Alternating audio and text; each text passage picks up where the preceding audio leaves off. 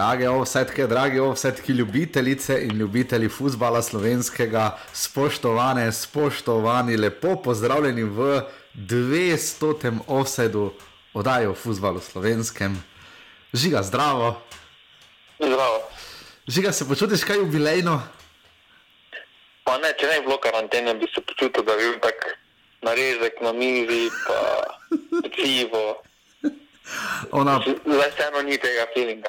ja, zdaj ni zaenkrat, uh, praznujeva zgolj v duhu in uh, verjamem, da marsikdo od nas tudi v telesu, um, brcamo pač, uh, magari vece role, karkoli eh, pride, samo da imamo nek spomin uh, na to, kako je bilo, ko se je še brcal futbal.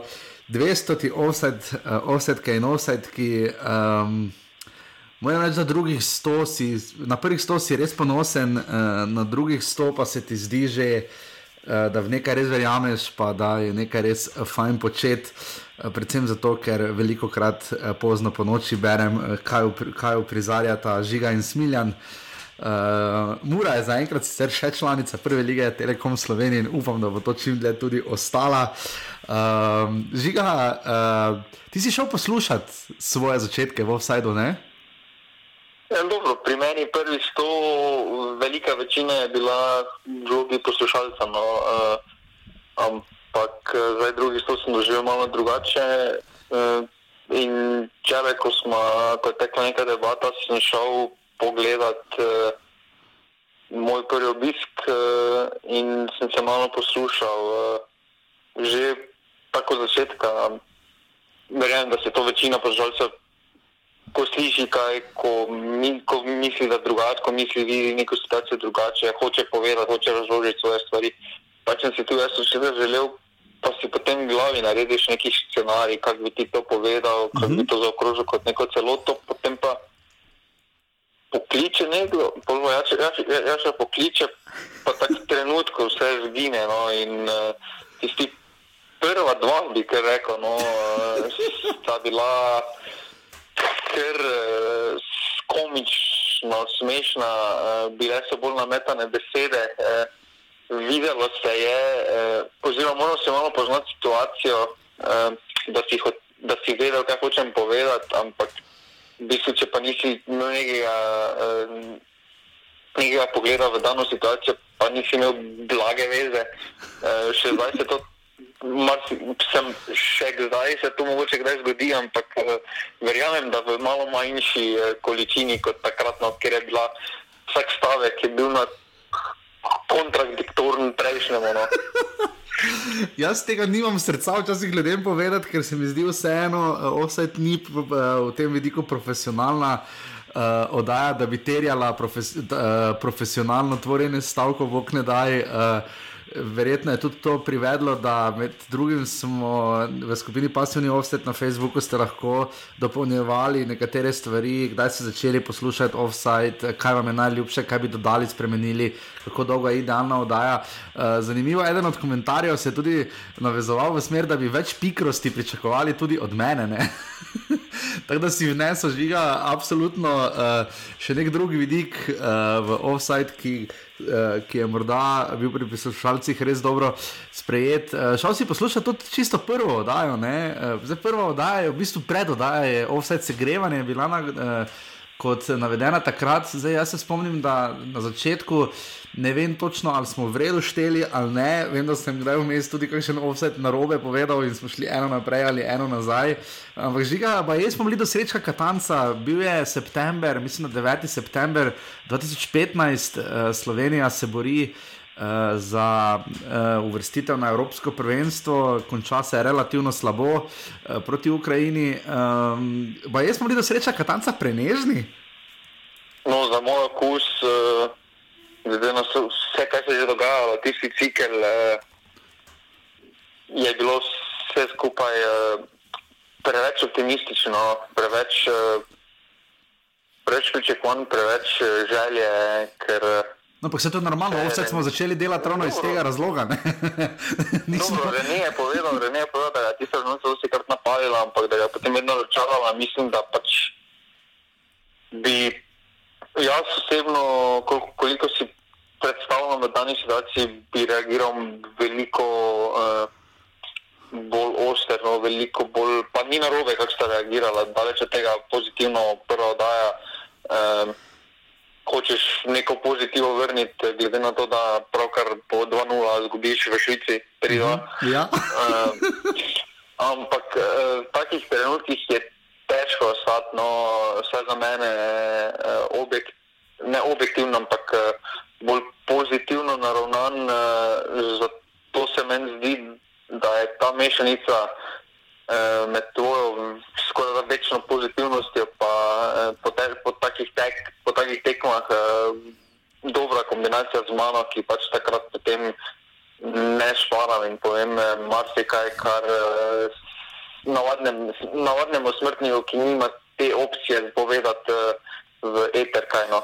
Ja, zdaj uh, posneli smo seveda tudi stoti offside, kako pač ne. Uh, Takrat smo bili vsi štirje, ne, vsi trije voditelji, uh, Rene, ki je odvodil 23 oddaj, pomagal sestaviti in jih uh, res dobro zaštartal. Uh, jaz ga včasih še srečam v mestu, uh, dobro, zdaj zaradi krize, seveda korona, karantene, ne, ampak. Uh, in se s toplimi spomini, um, ponavadi obujam, kako smo začenjali. Klemen je potem bil tisti nujni vmesni člen, tudi njega sem parkrat že videl in uh, mislim, da še tu pa tam, ker posluša. On je 45 krat uh, bil voditelj offside, kar je v bistvu več kot se zdi. Uh, včasih sam morda sploh pozabim, ampak ko sem šel zdaj za nazaj poslušati nekatere oddaje, sem se seveda vsega tega rade volje spomnil. Žiga, ti si pa prišel v oddaji številka 69. Ne? Jaz mislim, da prvih 100 oddaj smo bili pozitivni, potem pa smo z naslednjih 100 oddaj začeli uvajati kotičke, uh, začeli smo benti čez klube. Uh, ampak to je sestavni del, po moje. Uh, zdaj, moj večji optimizem, zadnjič, ko sem gostoval pri Roku Grilcu v podkastu na vdih, hvala Rok, da me je gostil, ker sva dve uri in kar nekaj časa uh, razglabljala. Predvsem jaz sem dosti povedal, že koliko opomb si mi napisal. Uh, nisem še prebil se skozi, ker uh, meni je vse, ko sem doma, ne pa še vedno, ko nekaj delam, poslušam vse, ampak mm -hmm. uh, mislim, da sem bil pri okoli 18 minut, pa bo 600 ton. tam nekje, tako da nas čaka. Tako da hvala, Rokno, da uh, si mi mogoče tam platformo za govorjenje, da potem jaz lahko v vsajdu uh, daljše kotičke imam. Ja, to sem ugotovil. Jaz kot gost uh, sem precej drugačen kot um, če sem sovoditelj, soavtor oddaje, se mi zdi. No. Tako da tam smo marsikaj povedali, poslušajte uh, tudi o vsajdu, že prejšnjič, ko me je rok gostil, ne, tudi nedolgo nazaj. Um, In tam smo veliko o tem govorili, ampak pač to mora biti, ker se mi zdi, da uh, nogomet res ni stvar, kateri, okoli katere bi se vsi strinjali. Uh, ravno to nestrinjanje oziroma nizanje argumentov je nekako tisto, kar je želel offset pokazati, ampak seveda na malo bolj. Uh, specialen nogometni način, ne takšen kot tudi je futbal uh, in v teh naslednjih stotih, ker takrat je Marijo v Ligi prvako igral, če se prav spomnim, ne, uh, ko smo imeli stoto oddajo. Mm, ja, takrat je v Ligi prvako igral. Ja, uh, Tako da res takrat smo se že vsem zahvalili, uh, Bog je Batino, seveda ne smemo pozabiti, ki je na začetku montiral oddaje. Ker nekaj, ki vas je, vas je oglasilo v skupini Passivni Offset na Facebooku, je reklo, da poslušate skoraj da od začetka. Uh, veš, fajn je, ko nekdo napiše, jaz pa poslušam Offset od zelene jakne, Marja na pušnika dalje. Da si nekateri tako zapomnijo, če bi en komentar na tem uh, Passivni Offset skupini bil bi to delal s toliko večjim veseljem, ko jih je toliko več, pa še bolj, uh, ko, pridejo, ko pride podpora, uh, hvala Nec, uh, hvala Jan, vsem, ki donirate in predvsem jaz vedno uh, potem pošljem mail. Uh, in vas vprašam, kaj bi še želeli slišati. Recimo, najcel predlog je bil, če bi iz uh, zelenega konca Slovenije imeli kakšnega dopisnika ali kaj, super ideja, upam, da koga dobimo. Zelo sem bil vesel, ker smo na začetku našli Mateja Klinca Klina, da smo potem uh, videli njihov razvoj, da so nas naredili še tajno društvo OFC, pa vem, da marsikomu na Štajerskem koncu ni najbolj uh, priljubljeno to, kar uh, fantje povedo, ampak verjamem, da to delajo iskreno. Uh, vse to, kolikor sam spremljam, vem, da to delajo v osnovi iz ljubezni, spomnim na to, kaj se zdaj z Olimpijo dogaja in kaj se so dali skozi. Ampak tako tudi mi to vse delamo, res hvala vsem, ki nas podpirate. Uh, res vsem, Tine, Matjaš, Toni, Sandi, Luka, Jaka, vsi, ki to počnete redno. Jaz sem tako vesel, vsak, ki podpre, je toliko večja odgovornost za nos in želja, da bi šli še naprej, izboljšali in imeli oddaje, kakršne si vsi najbolj želimo. In ena od želja je seveda bila na začetku tudi ta, da bi kdaj gostili uh, selektorja, no, članske nogometne reprezentance, kogarkoli. Meni se je skoraj zareklo, se boste slišali, da želim, da bi gostili čim več selektorjev slovenskih, ne, kar nisem želel povedati, da bi bilo fajn, da jih imamo čim več. Daleč od tega, ampak hvala Matjažu Krajniku, da se je tako hitro odzval za nogometne zveze Slovenije in da smo lahko gostili Matjaža Keka, ga boste slišali malo kasneje. Meni je najboljših pogovorov, um, predvsem, ker sem ga vprašal stvari, ki ponovadi se jih ne vpraša, oziroma bolj tehnične, tehnološke, medijske stvari, ki uh, jaz upam, da, so, da bodo zanimive tudi za vas. Um, In ker uh, pač uh, skušamo to čim večkrat narediti, in v bistvu gostje so fajni. Že kako si ti videl goste, ko jih imamo? Ker vmes smo imeli cele sezname, pa smo tudi drugo ligo vključevali. Uh, kak je ta segment za gosti, tebi, kako se ti zdi? Um, dobro, um, vedno je fajn, ko še nekdo drug pove, zelo iz prve roke o kakšnem perečem dogajanju. Ampak um, problem v slovenskem uh, nogometu, oziroma uh, v smislu tega, jaz ga ne vidim večjega, da ja, lahko imamo mi vsak teden gosta, ampak uh, težko je predvideti uh, pred vikendom, ko se to vseeno moraš predtem dogovoriti, ja. kaj se bo zgodilo za vikend, uh mhm. -huh. da bo potem tisti gost zanimiv uh -huh. uh, v smislu. Uh, zakaj bi gostil uh, Maribor po seriji 15 zmag, če, ga, če bo dosti bolj zanimivo, ko bo nekdo izgubil ali pa Olimpija enaka. Uh, večina kluba je tako, pač, uh, da vedno iščeš tisto, uh, tisto senzacionalnost, iščeš tisto, kar dela šport zanimivo. No, uh, in tukaj se potem pojavil problem, da je vseeno. Uh, Krok slovenskih klubov uh, in s takšnim tempom, kot uh, gredo oddaje, sploh eh, če kakšna evropska, eh, se deset oddaj posname. Poleti se tudi v enem mesecu, no, če se res, mm, ali pa ko se evropske delajo, ko si še, ko imajo že med se igral, takrat je deset oddaj en mesec in je mimo, zdaj pa da v enem mesecu uh, se potem spet obrne in spet imaš istega sovodnika mm -hmm. nadalje. Dalje. Je pa tudi tako, no, ker problem je, da uh, drugi, drugi, drugi problem pa je, da marsikateri uh, kljub uh, marsikdaj noče dati koga uh, dotičnega na, uh, na to mesto, noče ga izpostavljati uh, in ti ponudi druge sogovornike, za kar sem hvaležen, da ti skoko koga ponudi, ampak vseeno. Uh -huh. Uh, ti si takrat zamislil uh, neki drug plan, neki drug potek, uh, imaš drugače sestavljeno vprašanje. Uh, in zato mm, je to pač tisti del, ki ga če nisi uh, v tem zelo težko razumeš, ker tudi predtem uh, se meni zdelo marsikaj mar bolj enostavno, kot gledaš na zvenno, kot pa zdaj, ko vidiš, uh, koliko dela in truda je samo to, da pridobiš nekega zanimivega gosta, potem pa koliko dela in truda in politične korektnosti je potrebno, da lahko vprašaš tistega želenega sogovornika, vse to, kar si želiš. Ja, točno to. In, uh, zdaj, uh, gosto, ki bi jih želeli imeti, pa smo računali, da bi jih ob 200 oddaji, zagotovo je bil Zlatko Zahovič ena od možnosti in upam, da ga bomo kmalo gostili. Tudi eh, Milan Mandarič, do njega še seveda pridemo in intervju, ki ga je dal za časopisno hišo Dnevnik. Morda bi se tu na tej točki navezal, ravno to, eh, ravno prej sem bral večerjo intervju z Dinom Hotičem, ki je povedal, Mislim, da v tem intervjuju, pa ne toliko vsebinsko, ampak količinsko je dejansko povedal več, kot sem ga bil kadarkoli vajen v katerem koli intervjuju, da se zdaj v tem času, eh, ko so nogometaši seveda doma, tako kot vsi drugi in imajo dosti več časa, um, izpadejo dosti bolj ljudski, normalni. Se vem, da so stvari, o katerih ne morejo nogometaši govoriti med sezono, ampak uh, želja oseda je bila ravno to, da bi se da, bi, da ta medijski pritisk, ki nastane, seveda ne bo pomagalo, tudi če me kdo pokliče za izjavo ali karkoli, Uh, ti tako je nek tisti, ne avtocenzura, sploh ne, ampak tisti neki veš, gumbek se vklopi uh, rdeči, ne? zdaj pa snemamo, zdaj pa je drugače, kot sicer če ne bi, kar je seveda popolnoma normalno, vse uh, so to neke zagonitosti vsakega medija, ampak se mi tu zdi, vse peke, ko smo poskušali to na malo drugačen način in bomo to v bodoče poskušali še bolj, ampak to, kot je žiga rekel, ne moreš predvideti, kaj se bo zgodilo za vikend, sploh pa če snemaš v ponedeljek, ki je. To je Slavko Jarič, upam, da kdaj znal zračunati. Verjetno je ponedeljek dan, ko največ trenerjev službo zgubi. No. Predvidevam. Ja, ali pa po kakšnih klicih, ovsajda.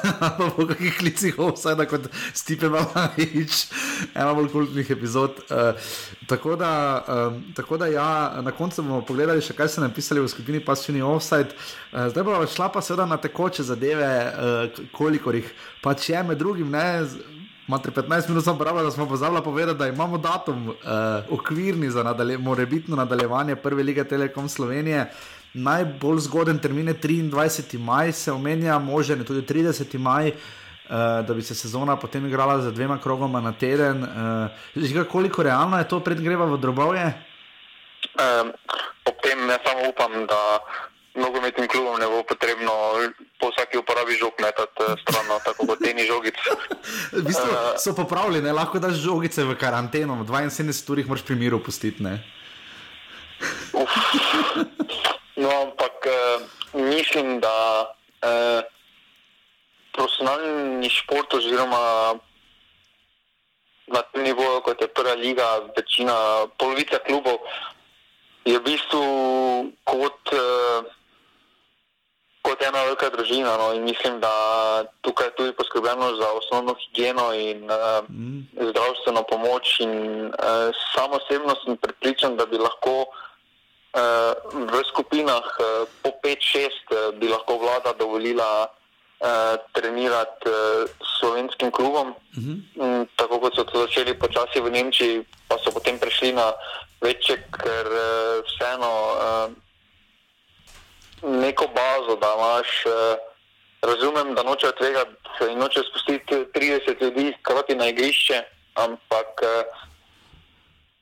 bi dal tukaj na razpolago, recimo, tistim klubom, ki imajo to možnost. Uh, pa verjamem, da bi mogoče kateri izkoristil sploh ob današnji, sploh ob zdajšnji krizi uh, turizma, uh, bi lahko ali greš v klub, v, v hotel, klub v hotel, opravlja samo treninge, si v karanteni v bistvu, ali pa skupine po šest. No, mislim, da profesionalni šport, oziroma če hočemo karkoli doseči, da bi vlada tukaj morala misliti predvsem na te športe, ne pa na uh, golf, tenis, mm. balinanje in podobno. No. Ja, zdaj da še res za rekreacijo, seveda eno za profesionalnost, pa drugo, vse da se trudimo biti eh, čim bolj. Uh, zvesto, profesionalni, profesionalno zvesti uh, vsem, ki nas podpirate na urbane.si pošiljnica, vse si omenjeni, vsi, ki ste to v preteklosti naredili, tisti, ki še boste.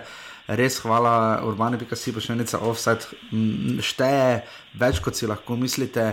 Um, vsi, ki sodelujete v skupini Passivni offset ali pa ne kontaktirate tako ali drugače, uh, zdaj je zadnje čase tudi žiga pooblaščen, da komunicira z vami. Žiga, kako to poteka? ni kaj odziva, ampak uh, če bo kdo kaj napisal, bom z veseljem odgovoril. v takšnem tonu, kot bi odgovoril, da žalam in muri. uh, pa mislim, da uh, da za vse upravljam uh, enak ton, da včasih samo deluje. Da na koga je malo bolj kritičen, ampak to samo zaradi te medijske izpostavljenosti. Pač, to je prišlo z to sproščenostjo, pred, ker če se spomnim, že tudi potem tistih začetkov, od 69. vse dalje, uh mhm. ko se stisno snemamo. Vem, da so se na začetku malo roke tresle, da je bilo hladno, da je bilo malo drugače, potem pa se to malo sprostiš, vidiš, da ni val val in več jezik. Meni je laže. Hvala, da imaš tudi GT2, tam smo dekaj toplaka, se smo tudi enkrat gostili. Hvala res Mihi Stondi, Igorju, Vnuku, vsem, ki so nam na začetku pomagali, da smo imeli dom uh, in upam, da ga bomo spet daj. Ki je v tej obliki imeli, uh, pa da bomo lahko čim več intervjujev posneli v živo, to sem želel še dodati. Um, ampak seveda čas uh, in vse druge službene obveznosti to precej onemogoče, ampak še vedno je intervju živo, tudi v Osedu, verjetno boste sami to najboljše vedeli. Pa ne toliko, seveda je tu zvok najbolj pomemben, uh, ker brez zvoka vse drugo nima smisla. Uh, Zdaj sem poslušal, mislim, da na odbita dobita, da ravno to, da če je zvok, oziroma mislim, da pri, ko bi ožer obežni gost v aparatu, tudi Anžeto Tomiču, seveda vsa hvala, da je, začet, da je pomagal, ko smo potrebovali uh, tehnične inštrukcije. Um, se mi zdi, da, da tudi v video vlogih, ne, če ni dober zvok, ne štima in tudi tu bomo skušali narediti napredek, ampak že sem povedal ravno to, da v živo intervjuji, pa po telefonu je dan in noč, tudi zdaj, ko delamo z žigo, hvala Bogu, smo jih posnela. Uh, torej, kaj je 131, 130 offsajda, vmes, uh, da se že toliko poznava nadaljavo, da je to moč snemati, ker če bi snemala prvih par offsajdov na ta način, jaz ne verjamem, da bi prišli do offsajda 80. No. Kaj misliš, ti žiga? Pa ne vem, če bi 69 započali. Tako zdaj pa gremo na tekoče zadeve prve lige Telekom Slovenije.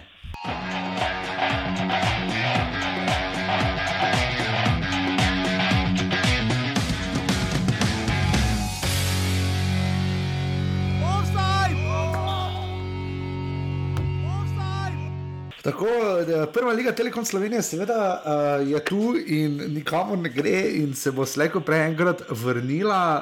Uh, vprašanje pa je, kako dolgo bo z nami še v obliki predsednika nogometnega kluba Olimpija Ljubljana, Milan Mandarič, uh, v intervjuju Matejo Grošlju. Uh, zanimivo, bolj včasih, včasih so takšna osnovna, elementarna, splošna vprašanja, oziroma kratka, jedrnata, morda najboljša, če imaš takšnega sogovornika, kot je bil tokrat. Uh, ker eh, je Milan Mandarič v bistvu sam toliko povedal, da ni bilo treba kaj dosti vrtati. Ne?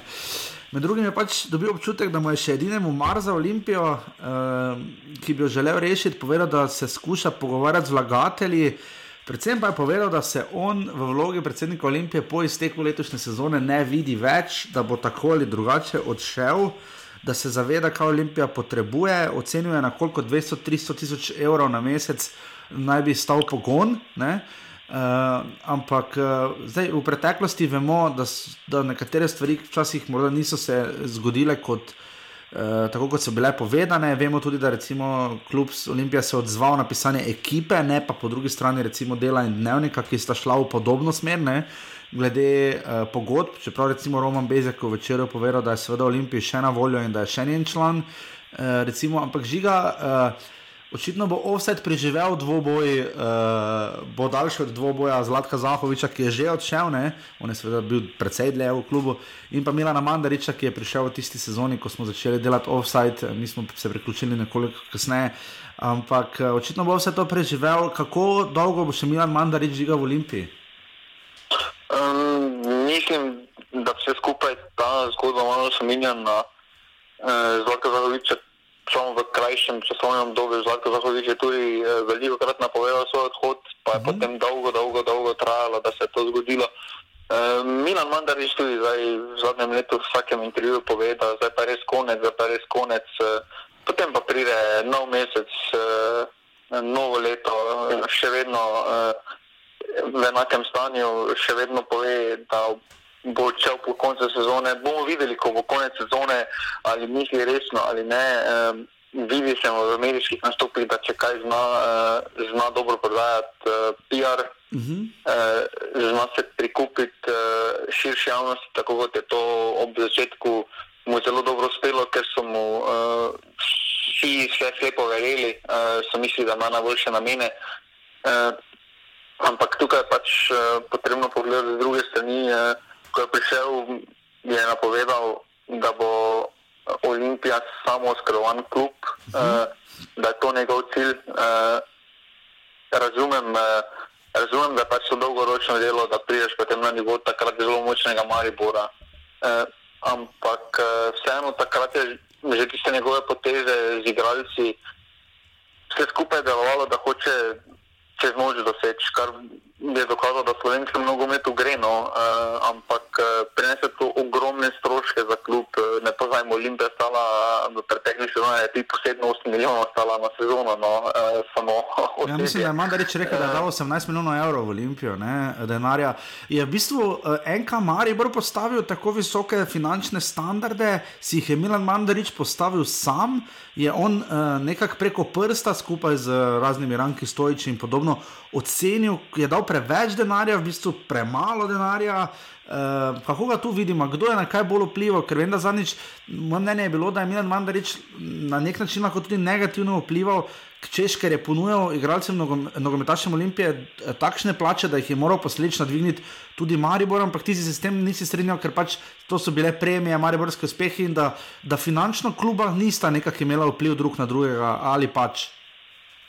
Uh, dobro, Maribor uh, je postavil neke smernice, ki marsikdo, ki bo um, potem tudi Zakovič, zavedam se, da se zaveda realnosti, da uh, s tisto drugo vrstitev Ligo Prvakov um, so se ambicije finančne v smislu, da pa greš v Maribor, vsem povečale. In pri Mariboru največja sprememba ta, no, sama Olimpija mislim, da ni prinesla nič drugega.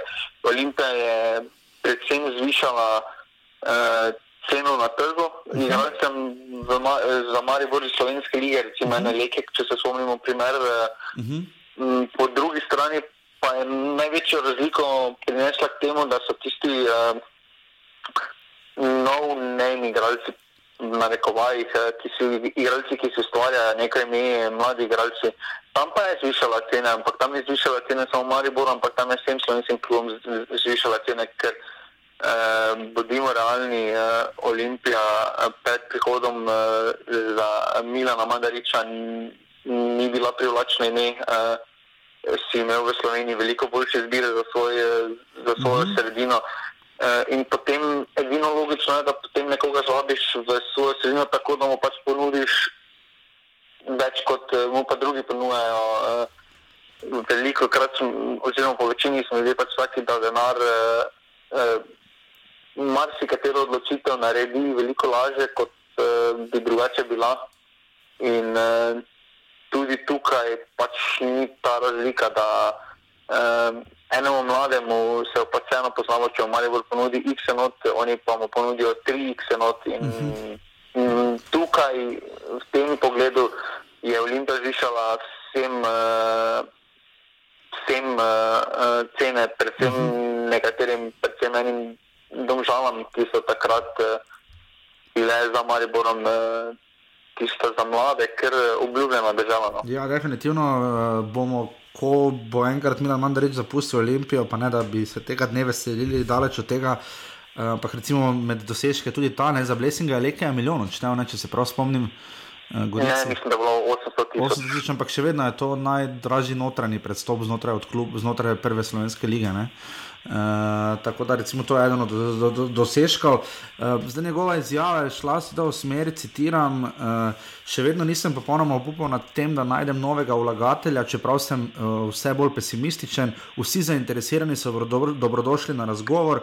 Če vlagateljev ne bo, vsi vemo, kaj to pomeni. Če samo Milano Mandariču pomembno, da Olimpija živi naprej, potem slabo kaže. Uh, Uh, Milan Madrid se zaveda, kaj zna biti, če bo odšel. Uh, zdaj, za Sijol je dal intervju uh, za portal tudi Joc Pečečnik, ki, bi, ki se ga je v preteklosti seveda delno povezovalo tudi z Olimpijo, ne na zadnje je vlagal tudi v Interblok, ampak uh, je gospod Pečečnik. Uh, ki je te dni imel kar zanimive medijske nastope na slovenskem medijskem prostoru. Uh, glede na to, da se trenutno obada z drugimi strani, je kar jasno in glasno povedal, da ga prihod v stopu v Olimpijo ne zanima. Poleg tega bi se morali nekaj pogovarjati o tem, da bo kdo kupil nogometni klub. Slovenskega nogometnega kluba smo v offsajdu že večkrat povedali, ne moreš kupiti, uh, ne da se, ne gre, ker so javna društva, tako kot ne moreš rdečega križa kupiti, recimo, ali pa šole, ne? ali pa zdravstvenega doma, zaenkrat. Uh, ampak v vsakem primeru žiga, uh, kaj lahko vidimo, uh, bomo probala najti sogovornika čim prej na to temo iz Ljubljana, ampak kaj. Jaz sam devet let sem bil v Ljubljani, uh, mene najbolj skrbi to, da bi Ljubljana kot prednost tega, da imamo Ljubljano kot glavno mesto, da dobi do, za to dodatna sredstva in smo lahko ponosni na to, kako se je razvila, kaj vse se v njej dogaja, kakšen turistični boom je doživela, čeprav ima to tudi negativne, seveda, lasnosti. Ampak po drugi strani pa se mora Ljubljana kot mesto vprašati, če kot prestolnica ne bi imeli spet resnega nogometnega kluba z vsem spoštovanjem do Brava, da ne bo pomote, ampak vemo, da je Bravo prišel iz celja. Ne? Um, da Interblok ni imel tradicije, ampak Jaz res upam, da se ne bi zgodilo najslabše. Ti žiga, vem, da ne verjameš, da bi Olimpija šla v peto ligo. Dobro, mislim, da na koncu um, v najslabšem primeru se lahko uklestijo um, stroški tako, da um, pač potem res na neki amaterski ravni. Uh, vseeno ne smemo pozabiti 250 tisoč na mesec znašel zdaj iz. Uh, še vedno s temi pogodbami. Ne smemo pozabiti, da polovici ekip poteče pogodba. No. Uh mhm. -huh. In uh, v najslabšem primeru, če jim ne podaljša, se zmanjša še za pol, mislim, da 1,5 milijona pa je več kot zdržno no, za nek klub uh, v slovenski lestvi, v slovenski ligi. Uh, tukaj mislim, da bo pač tudi tukaj potem uh, državne firme uh, stopile korak uh, in pomagale. Eh, temu klubu. Uh, Trenutno ima Olimpija bolj malo sponzorjev, ne? res da ugledne, ampak kot je rekel sam Andrič, ampak ne dovolj. Ne? Trenut, sam je rekel, da je trenutni vir financiranja njegova denarnica. Ne? Pa dobro, ko je neki vlagatelj, je za vsakega sponzora eh, teže vložiti eh, neko konkretno soto. Jaz tudi eh, verjamem, da na primeru Maribora Sava ne bi pol toliko vložila, če bi bil nekdo drug, eh, uh -huh. ki bi praktično odločal o odločitvah klubu vseeno, če vložiš uh, v Sloveniji, kakorkoli obrnemo, če nekdo vloži uh, 250 ur na sezono ali 300 tisoč, uh, je to za slovenski prostor veliko. No? Uh, in uh, vseeno, če nekdo vloži takšen denar. Pričakuje, hoče imeti neko besedo. Vem pa, da je pa res, da vse ljubljani bodo to boljše vedeli sami, ne? ampak uh, prihod petrola, recimo državnega podjetja, ali pa delno še z državami, ima kontrolni delež v petrolu, še samo, ampak uh, prihod uh, petrola v košarkarski klub Olimpija, ne, uh, ko so tudi najprej že zamenjali ime, najprej so bili dolgo Unijo Olimpija, um, ni rešil zadeve, ne, pa petrol, vem, kolikor vem, ni dal malo denarja. Ne. Je vseeno moralo potem priti do združitve za CD-vite, vem, da košarka, da so to jabolke in hruške lahko tudi. Ampak vprašanje je, ja, ali je tudi, tudi izložitev servitem ni nič prinesla. Zaenkrat, kot kaže, ne. Mislim, v Ligi Aba so definitivno bolj konkurenčni, ampak to, kar se je pa v Evropi dogajalo, je bilo pa, je bilo pa res grozno. Ne.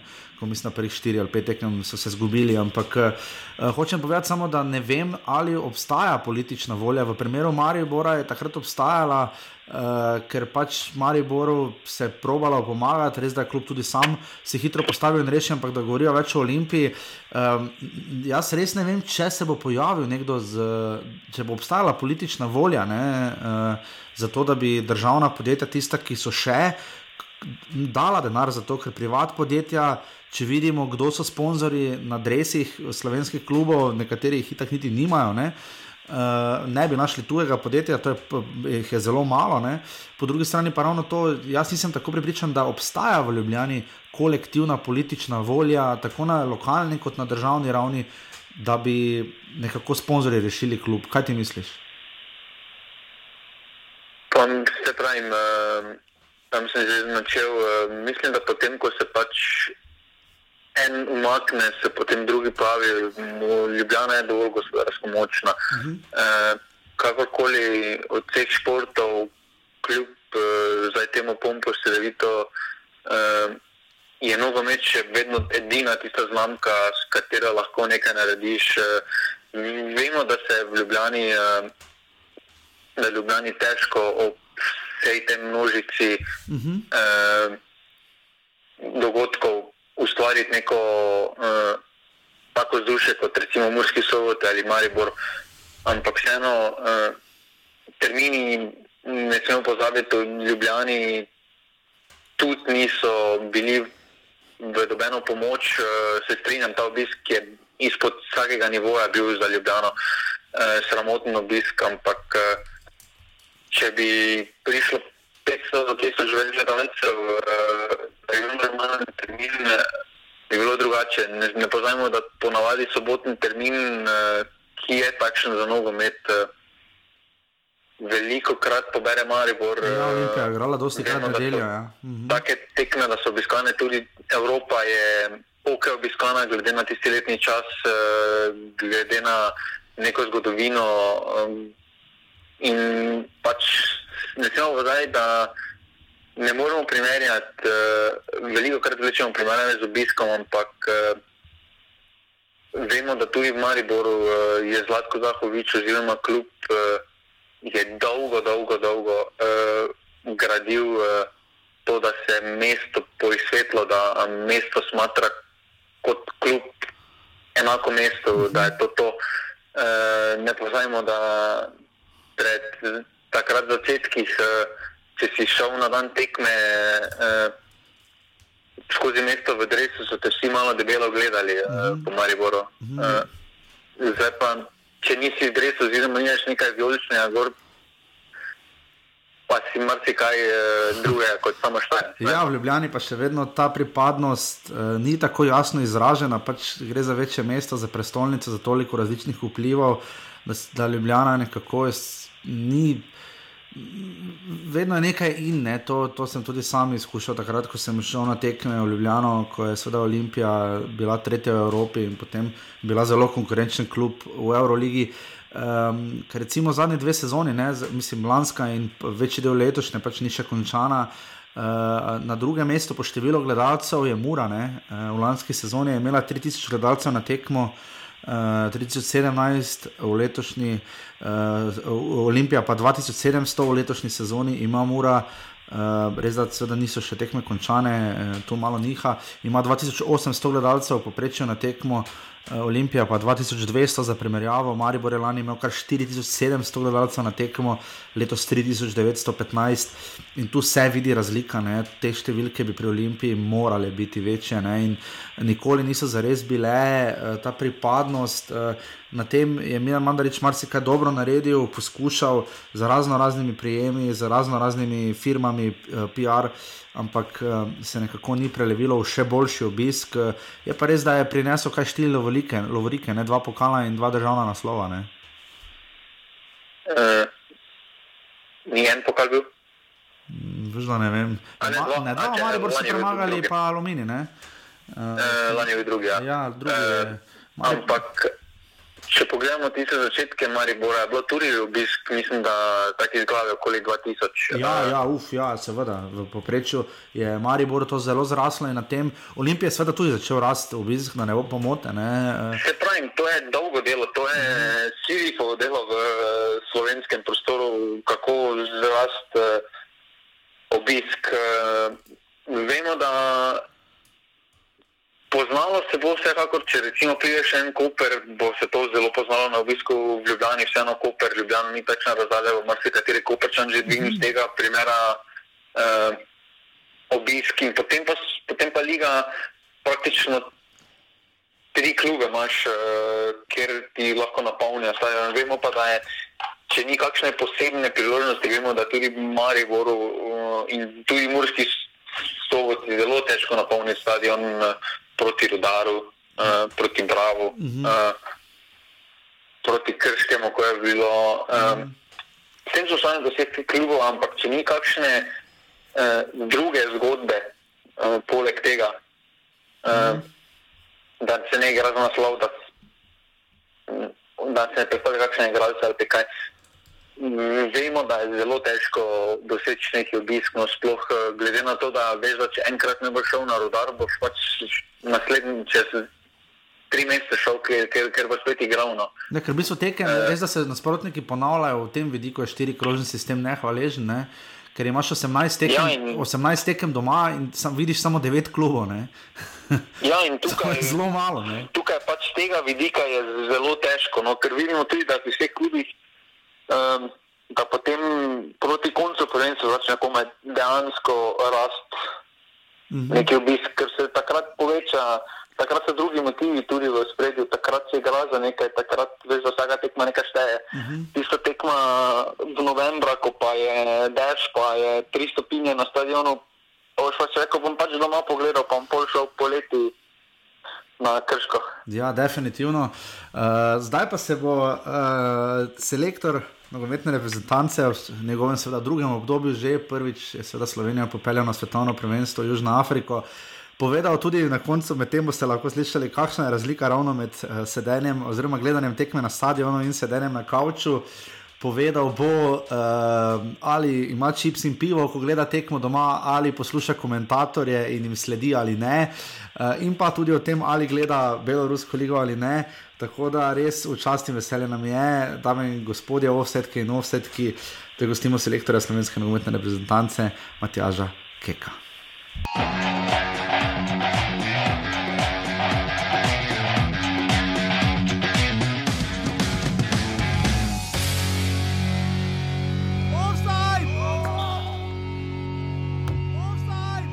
Tako v čas veselje in velik ponos nam je, da lahko gostimo selektorja slovenske nogometne reprezentance, uh, prvega za sedaj v offsajdu. Um, upam, da bo, na, upam da, da, bo, da bo še več selektorskih mnen, uh, bivših, sedanjih, bodočih uh, v prihodnih oddajah, jubilejni 200. offsajd. Z velikim ponosom gosti Matjaža Keka. Gospod Kek, dober dan. Dobro dan in eh, najprej čestitke za 200 oddajo. Hvala lepa. Smo uh, potrebovali nekaj časa, ampak uh, skupaj smo zmogli uh, tudi do 200 tice in verjamem, da bo še kar nekaj oddaj se nabralo. Um, gospod Selektor, kak ste v teh dneh, najprej nam to povejte.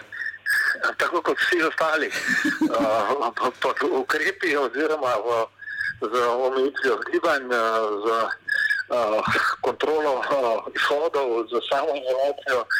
Um, skratka, tudi moj dan, uh, moj 24 ur se ne razlikuje uh, od ostalih uh, v Sloveniji, razen seveda tistih, ki uh, delajo, uh. -huh. tisti, ki so na prvi bojni črti, tako kot radi govorimo v zadnjih uh, nekaj tednih.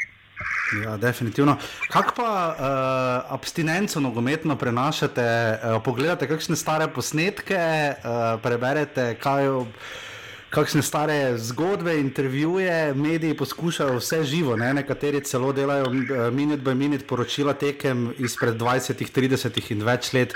Mediji poskušamo vse. Uh, ste se raje čisto zdaj izolirali od futbola, pa izkoristite ta čas ali premagujete abstinenco? Ne, uh, od nogometov se jaz ne morem uh, distancirati oziroma odmakniti, pa naj je pandemija ali kakršna koli druga kriza, to je sestavni del mojega življenja. In uh, ko se enkrat, skoraj v 60 letih, navadiš na to, kako je to del tebe, potem pač uh, pogledam kak, uh, kako staro tekmo oziroma kakšni uh mhm. -huh. detalji iz uh, uh, tekem, ki so že za, za mano. Uh -huh. uh, čeprav nekje v moji naturi ni, da se kaj dosti rad vračam nazaj. Uh -huh. uh, raje spremljam pač te zadnje dogodke, sodobne nogometa, nogomet, ki pa seveda v nadaljevanju sigurno ne, ne bo več nikoli takšen, kot je, kot je bil. Uh, ne na zadnje, uh, tehnologija ti omoča, noče pa mislim, da je zelo včeraj ali prečerajšnjem sem spremljal eno zelo zanimivo razmišljanje, analizo uh -huh. trenerja Amija, uh, Luke Elizarja. Uh -huh o igri uh, Red Bull uh, Leipziga, ena res dobro pripravljena analiza. Uh, skratka, kakšen telefon izmenjava, razmišljam, um, razmišljam o kakšnem treningu, o kakšni vaji. Uh, tako da, seveda, v dosti manjšem obsegu nogomet ostaja v meni. Koliko ste pa, gospod selektor, drugače za tehnologijo? Uh, Eh, kaj gledate vi tekme, ko seveda, dokler ni prišla kar, eh, predvidena in predpisana karantena, eh, kako spremljate tekme? Sedete na kavč, pogledate tekmo v celoti, pogled, vam, vam kdo uredi posnetke, kako to zgleda? Na Nogometni zvezi imamo poseben program, ki omogoča spremljanje vseh tekem skozi analize, skozi več kamer, različno postavljenih kamer. Tiste tekme, kjer igrajo igralci, ki so v kadru reprezentance, spremljajo v celoti. Uh -huh. Določene tekme, ki se pokrivajo, potem pogledaš v posnetkih, v analizi, ki jo že ta program omogoča. Uh, ja, na kavču, sicer ne z čipsom, pa z pivom, pa tudi kokicami, ne, včasih z beležko, uh, včasih kaj ne rišeš, uh, kakšno pripombo. Uh, je pa res, seveda, da v tem času uh, v tej vsej tej tehnologiji uh, uporabljam predvsem tudi telefon, uh, da slišim kakšnega fanta, uh -huh. da slišim v živo, uh, kako oni preživljajo vse to skupaj. Veste, da jih je dosti v Italiji in zgodbe, ne vem, Jojota, Iličiča, Kurtiča, zgodba Jana Oblaka iz Madrida, uh -huh. v tistem centru teh tragičnih dogajanj, seveda je še posebej nekaj dojemljiva in ti bosti neko razmišljanje. Tako da neki tehnološki frik, jaz ravno nisem, spremljam tudi vse to poskuse zapolniti nek, nek čas z treningi preko videokonferenc oziroma z vodenjem na, na daljavo, vse to skupaj. Uh, zelo enostavno bi jaz povedal, je seveda to dobro, ok, ampak to je samo neko mašilo, nek nadomestek, da se vsaj nekaj počne čez dan. Mhm, koliko zdaj v medijih sami vemo, koliko se najboljše izkušamo, koliko se je tehnologija spremenila. Če primerjate recimo vaše prvo selektorsko obdobje pa zdaj, koliko je to delo drugačno, ravno zaradi vse tehnologije. Se je takrat hodilo še bolj pogosto obiskovati igralce, v živo se z njimi pogovarjati, jih obiskati, pogledati tekme. Koliko se je to spremenilo, ker eh, je neko ni tako dolgo obdobje, ampak v tehnološkem smislu pa je. Ne? Če bi šteli iPhone, bi jih kar nekaj našteli do takrat. Ne? Ja, jaz ne vem, kateri, koliko je moja številka, to uh, ostali družinski člani bolj obvladajo to vse skupaj, pa me vodijo, kar se tega tiče. Uh, je pa res, da je zdaj je 10-12 let, uh, pa 15 od moje prvega uh, selektorske, moje prve selektorske vloge. Ja, več se je potovalo več se je gledalo tekem v živo, hkrati si pa manj informacij dobil, ker si lahko samo eno tekmo pogledal, oziroma do posnetkov je bilo teže prihajati. Zdaj v bistvu naslednji dan kompletno vse tekme, kjerkoli kdo igra, v, v dobrih posnetkih, v HD resoluciji in že pripravljenih analizah.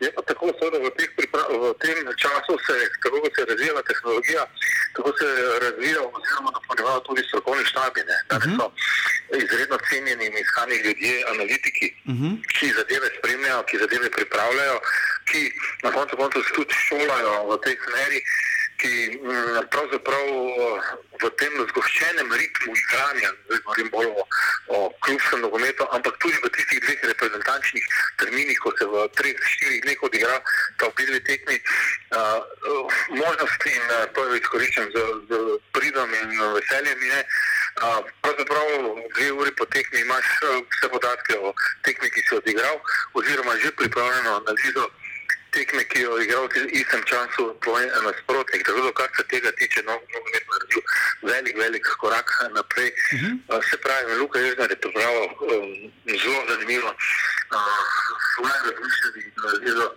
Uh, Kot trenera Mija, uh, lige Francije, in uh, uh, res neka izmenjava izkušnji in nekateri drugi pogledi, čeprav se pravi, nisem velik uh, ljubitelj uh, frik nove tehnologije oziroma uh, ravno računalnikov uh, skozi, procese treninga in to vse skupaj, ampak izkoristim pa z veseljem vse, kar se seveda nudi zdaj. Ja, mislim, da nam je Gabriel dobrovoljce, se dobro spomnim, v enkrat razlagal v Daji, da si je zlasti Simon Rožman imel veliko časa, zelo veliko prisegal na uh, videotehnologijo, da je prinesel nek čist uh, svoj vidik k temu, k čemu se vi zanesete najbolj. Verjetno je kombinacija vsega, ampak uh, zdaj, recimo v Ameriki so zelo mahnjeni na statistiko, zdaj, odvisno od posameznega športa.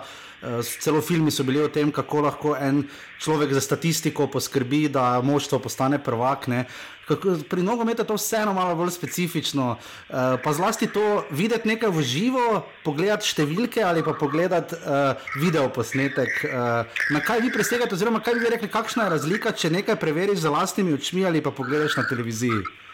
Ja, naj naj kombiniram vse skupaj. Uh -huh. no, ob uh, tehničnih uh, zmožnostih, o katerih sem že govoril, uh, pošljem uh, svojega človeka, ki je tudi zaradi tega v strokovnem kadru na tekmo, da si vse skupaj povedal živo, uh mhm. -huh. da zapiše nekatere detalje, malenkosti, ki ti lahko na koncu pridejo prav, kakšno avto, uh, ne vem, kakšna postavitev, ki jo kamera mogoče v danem momentu ne zazna. Uh -huh.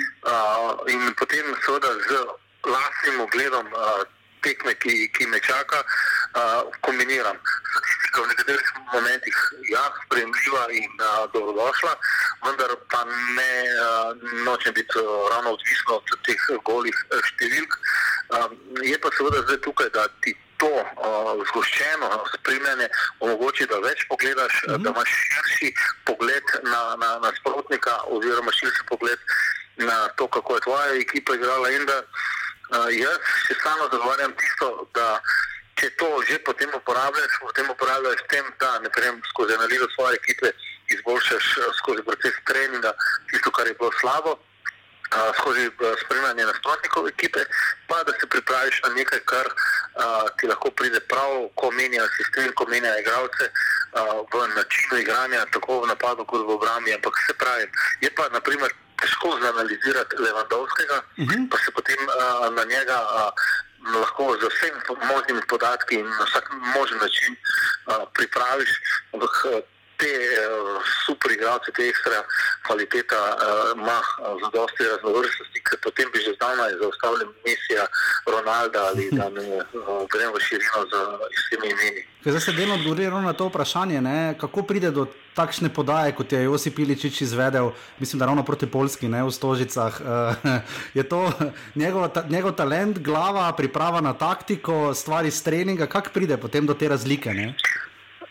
Ja, zdaj, eh, nekaj je seveda, nekaj je kvaliteta, čista individualna kvaliteta, kvaliteta, ki je seveda v sodelovanju z ostalimi igralci potrdi, ker jo je podal nekdo, pa je na koncu tisto podajo realiziral. Uh mhm. -huh. Ampak eh, je pa eh, in sem zagovornik določene avtomatizacije, predvsem v principih igre, se pravi, tako v tistem momentu, ko imaš žogo, v tistem momentu, ko žogo zgubiš in ko je nimaš, ne, in tu se lahko z treningom, z procesom treninga naredi zelo, zelo dosti, no, vse ostalo pa se pravi. Priprava, tako individualna priprava, kot, kot moščena priprava, pa dajo že ogromno, ogromno podatkov in ogromno no, možnosti, da, da na to se skupaj pripraviš, čeprav sam ne obremenjujem preveč uh, rad ekipe z množstvom podatki od nasprotnika.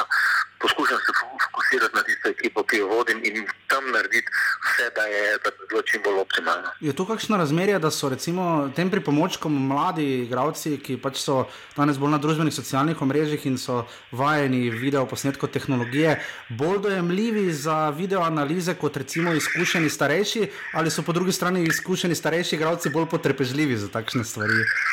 Uh, ja, kar se tiče neke potrpežljivosti oziroma koncentracije, uh -huh. je čas približno enak. Morino je pred uh, razlagal, da se sestanek oziroma analiza, ki traja dalj časa, kot 10-12 minut, je že zelo, zelo vprašljiva, uh, uh -huh. ko govorimo o koncentraciji igralcev na, na dani problem. Uh, tu nekje v teh uh, številkah se tudi jaz uh -huh. vrtim z svojim strokovnim štabom. Seveda je pa eh, potem vse skupaj tudi individualno pripravljeno, ne vem, za vratarja se pripravijo prosti streli, uh -huh. 11 metrov, korneri, postavitve v fazi branjenja, postavitve v fazi napada in se potem samo njemu link pošle, tako posebej obrambnim igralcem, posebej napadalcem, posebej igralcem, ki imajo uh, direktno dojel ena na ena. Uh -huh. Tako da tudi individualno se dosti koristi teh podatkov in ne, ne uh, kot cela ekipa. Seveda, potem se pa to že raztegnilo na, en, uh, da, na eno daljše časovno obdobje. Vse to skupaj pač jaz, jaz osebno poskušam potrditi z do, točno določenimi uh, problemi na samem igrišču, za situacijsko vadbo in uh, tam še bolj plastično prikazati, kar nas čaka, oziroma kaj je bilo dobro, predvsem pa kar je bilo slabo in kar je treba popraviti. Koliko pa vas igravci slišijo med tekmo, uh, recimo, ne vem, primer polnih stožic, ima sploh smisel kaj reči ali, ali ne? Ja, dobro, jaz mislim, da ima. Mislim, slišijo oni tisto, kar je dobro, slišijo zelo dobro. Tako je treba, ko, če, če je malo bolj eh, na glasu, ostro povedano, oziroma če še kaj drugega uh, iz nogometnega žargona povedanega, tiste časi rad to tudi kaj presliši. Ne? Ampak tudi tukaj je nekje ustaljena komunikacija, seveda, ko je, ne vem, uh, Južni Afriki, tam je bilo že tudi na koncu, moram priznati, meni zelo, zelo moteče, komunikacija je bila zelo otežena uh -huh. in koncentracija je zelo, zelo bežala. Ne. Ampak uh, na načini preko igralcev sporočati, preko kapetana, karkoli uh, se da. Ampak vse vidite, koliko smo ljudje različni, nekateri spremljamo to stoje, obrobo igrišča, nekateri mirno sede, brez, skoraj brez eh, gestikulacije. Tako da tudi eh, na vsak način našega, eh, naše komunikacije na sami tekmi, na samem treningu je zelo, zelo različna. Zdaj, piramidalna struktura ima kar nekaj reprezentanc in posledično tudi kader oziroma bazen toliko širši, ampak na koliko igralcev, koliko igralcev imate, recimo, vse čas v mislih, koliko jih spremljate, koliko je na vašem radarju, predvidevam, da je kar ogromno. Ja, okoli 40-45, s tem, da v sodelovanju so bili mali reprezentanti, ki prije še kakšno ime zraven, mm -hmm. ampak uh, tu med 40-45 uh, je redno, redno uh, uh, obravnavanih. Uh, seveda s pomočniki uh, se čim več poskušamo v osebnem stiku uh, pogledati trening, se pogovoriti, pogledati kakšno tekmo, kljub tej tehnologiji. Ampak ja, to število igralcev je več čas v nekem obtoku, si pa fokusiran seveda na tiste, ki so bili ali. Bodi si v zadnjem uh, reprezentančnem izboru, oziroma so z svojimi dobrimi igrami opozorili v klubih, in potem se skoncentriraš bolj in ga podobneje pogledaš. Ja. Uh, koliko spremljate, gospod selektor, medije, je tu boljše obrat, uh, sproti čim več spremljati, imeti neki lasten izbor. Govorim zlasti glede seveda, samega dogajanja okrog uh, nogometa, kar se tiče reprezentance, glede tega, kaj se z igravci dogaja, uh, glede slovenskega državnega prvenstva. Uh, Kako ste se tu sami znašli, kako kak sami spremljate slovenske in tuje medije? Ne? Uh, ja, mislim, uh, zdaj bo bi zelo uh, parafrazirano, da bi zdaj rekel, da sem tam nič ne brigal, pa me, uh mhm. -huh. ne spremljam to. Ne, uh, pogledaš, prečitaš uh, tudi. Uh, Nekatere podatke dobre se da dobiti uh, iz, iz medijskih, iz vaših, naprimer, medijskih spremljanj uh mhm. -huh. določenih igralcev v tujini in uh -huh. uh, tako naprej. Kar se tiče domačih igralcev, tu se pogleda vse tekme, to je vse zelo, zelo jasno. Prevereš, uh, pogledaš. Je pa res, da se z leti postaješ eh, bolj dojemljiv, manj dojemljiv. Jaz uh, sem se naučil živeti tudi z kritikami in tu nima res dobenega problema. Uh mhm. -huh. V začetku me je to zelo dosti uh, motilo. Ampak uh, zdaj, v tem času, zdaj, ko če govorimo o zadnjih tednih, ki so pač uh, dosti vezani na vsak doma in uh, spremljanje dogajanj po svetu ravno preko novic, spremljam uh, vse novice. Uh mhm. -huh. Zanima me vse. Uh -huh. uh, čim več uh, lahko preberem, če, čim več lahko izvem, uh, se ustvarim svoje neko mišljenje, tem boljšim je to vse skupaj. Tako da odbijam pa seveda tiste medije, predvsem rumene medije, uh mhm. -huh. na koncu koncev že, znaš izluščiti tisto, kar. Kar gre v tisto smer, ki me kaj dosti ne zanima. Ampak se pravi, uh, zdaj mediji se sestavni del našega življenja. In, uh, če tu delaš si probleme, če tu uh, hodiš spat in se prebujaš za tem, kaj bo kdo napisal, uh, potem imaš uh, kar velik, velik problem. Ampak se pravi, za leti uh, si tu nekje definiraš vse to skupaj in se umestiš v ta medijski prostor, spremeni pa se ti tudi odnos do medijev. Uh, na koncu koncev uh, vsi mi moramo sprejeti, smo sprejeli ali še bomo sprejeli, da smo del tega medijskega cirkusa, da smo del nekih medijskih poročanj, zgodb. Na koncu so tudi naši navijači uh, upravičeni do uh, informacij iz prve roke, mm -hmm. v nekem uh, obsegu, ki je spremljiv za, za, vse, za vse strani. Ampak um, ja, spremenja se to, z leti se zelo, zelo spremenja mm -hmm. uh, odnos trenerja, se nekega uh, do medijev. Ali v času uh, uspeha ali pa v času neuspeha. Uh, tukaj je ta ne, uh, črta je zelo zelo tanka, zelo zelo tanka, ampak um, poskušam pač na nek način se poskušal zgraditi nek odnos, ki je spoštljiv in korekten uh, z obeh strani. Vse in verjetno veste, da znamo sprusiti kar hitro uh, kaj nazaj, da sem uh mhm. -huh. pred leti bil dosti bolj zaprt, uh, uh, dosti bolj nedostopen. Uh, včasih pač nauči seveda tudi drugega razmišljanja in mislim, da je to tudi prav. Ja.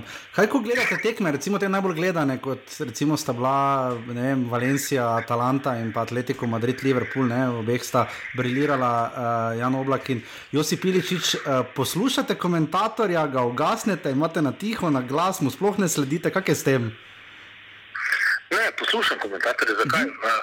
uh, uh, nisem naravno, seveda, nekdo mi je boljši, nekdo mi je manjši, uh -huh. to je popolnoma jasno. Ne?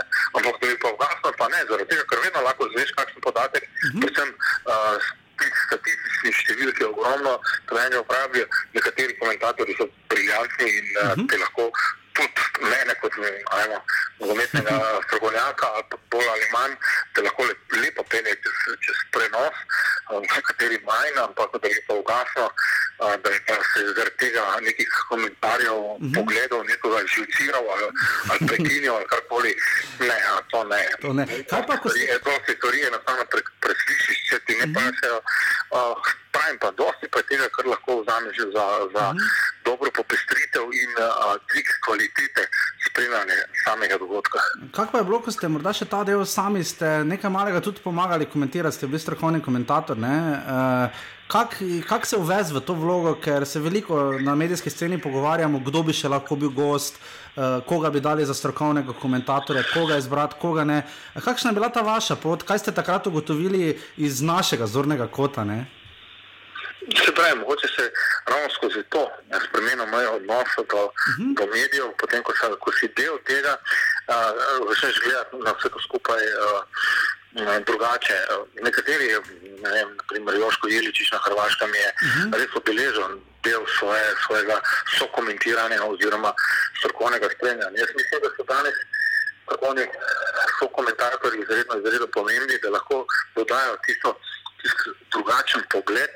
A, kar se pa meni tiče, jaz sem res pred leti že začel, mm. mene je dosti, dosti v nekaterih momentih a, pomagal Joži Jagodnik, ki je bil sam novinar mm -hmm. za nekaterimi začetnimi nasveti, potem pa si pač vsak sam od nas zgradi neko pot, neko svoje razmišljanje, jasno je da je uh, važen nastop, uh, da je važni jezik, uh, da je ta komunikacija mora biti seveda čim, čim boljša, če hočeš biti zanimiv.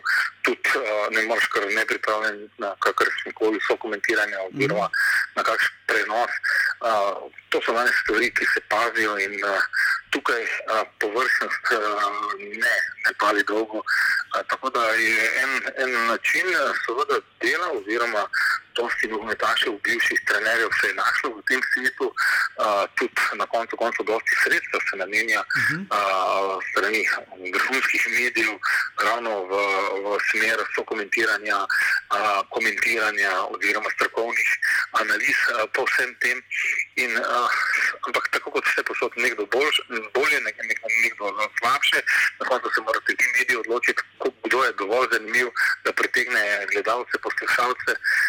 Pa, ampak je pa to stvar, ki je živa in je to stvar, ki se bo še razvijala, razvijala in ki bo vedno bolj uporabna. Sploh, seveda, v razmišljanju, če nekaj časa ne bo gledalcev, ne bo atmosfere na stadionih uh mhm. -huh. in bo seveda ta prenos potrebno narediti, narediti uh, boljši, kakovostnejši. Ja, to definitivno ravno za konec. Si misliš, da to vprašati zdaj? Uh... Uh, situacija, v kateri smo jo odnesla, uh, seveda tekmi z Turčijo in Albanijo, ne, in prav tako tekmo za Portugalsko, koliko je to porušilo vaše plane, oziroma za zdaj vidimo različne interpretacije, vidimo, kako se klubi borijo, da bi seveda se prvenstva nadaljevala, finančne, tu so uh, zahteve na eni in drugi strani uh, zelo vprašljive, kaj se bo zgodilo. Recimo, Ami Ružnič je sam povedal, da bodo verjetno plače znižane, vprašanje kaj bo. Ampak kaj mislite za slovenski nogomet? Bo šel močnejši, ga bo kriza bolj udarila? Kaj, kaj sami pričakujete in iz vaše prizme, kdaj se bo predvsem reprezentančni nogomet enkrat nadaljeval? Ne? Kar se tiče reprezentančnega nogometa, zdaj mogoče lahko špekuliramo z dvema jesenskima terminoma, v uh mhm. -huh. katerih uh, bi se igra, odigrale potem tri tekme, ne samo dve. Uh mhm. -huh. Reprezentančni tekmi, to je ena varianta, druga čisto možna varianta je, če bodo se klubske tekmovanja zavlekla preveč, uh -huh. da reprezentačnih terminov s tem pokala naroda mogoče celo niti ne bo. Uh -huh. In potem je ta, bo ta pauza seveda strahovito dolga in zelo, zelo težko bo vse skupaj potem na novo zagnati. Definitivno je moje razmišljanje, nogomet ne bo več takšen, kot je bil. In, uh, vse to za nazaj, mislim, da je lahko ti nekje v neko razmišljanje zapelje, ampak mislim, da je boljše, da se, da se poskušaš čim prej prilagoditi uh mhm. -huh. in pripraviti na to, kar bo, tudi skozi proces treninga, skozi proces prihajanja, selekcioniranja, uh, tudi samega. Samega treninga, kot takšnega, oziroma tekme kot takšne. Verjetno, ker nekaj časa ne bo gledalcev na, na, na stadionih, In moje razmišljanje je, je, da seveda tu na samem začetku moče ne bo to tako problematično, ker bomo vsi komaj čakamo, da se začne, da se bo zagnalo vse skupaj. Uh -huh. Po 14 dneh, 3 tednih, verjetno bodo te gledališke atmosfere lahko postale moteče. Uh -huh. Jaz vem, da ko sem začel gledati tekmo Valencija, Atalanta, ja. dokler ni začel razgrajati, si ti tekma čisto mimo. Ja brez tistega naboja. Uh, ja, dobro, da je Juve potem z vsemi svojimi goli in uh, fantastične igre vse to skupaj rešil. Tako da um, ne bo več, uh, ne bo čisto kot je bilo. Kar se tiče samih finančnih vložkov, jasno je, da če bo recesija, vse posod, če bojo problemi, vse posod, da se bo to poznalo na, tudi pri športu, je pa seveda tudi drug problem, če so bile številke ki so bile v zadnjem času, uh, če je bilo to vse skupaj realno. Ja. Če bomo morali dodati nek svoj kamen, če bo to vse skupaj, smatram, da se preveč v zadnjem času govori samo o nogometaših, koliko bodo oni, koliko so pripravljeni znižati, kam so mhm. pripravljeni uh, vse to skupaj iti, da je nogometna uh, industrija dosti bolj široka, da za nogometom, uh, za samim igriščem stojijo da ne govorim stavnice, marketinške uh, zadeve, da je to uh, agenti in vse to skupaj, da je to en, en krok, ki je izredno, izredno širok in uh, da bo samo ena stran tukaj. Uh, Stvari spremenila, to ne bo šlo. Ne. Mm -hmm. Je pa jasno, jaz mislim, da je treba predvsem pa zaupati tistim ljudem, ki se s tem ukvarjajo in ki so odgovorni za vse to skupaj. Sigurno tu FIFA najprej in pa UEFA, potem pa nogometne zveze posameznih držav v sodelovanju z strokovnjaki, kar se tiče zdravstva in kar se tiče štabu civilnih zaščit, ki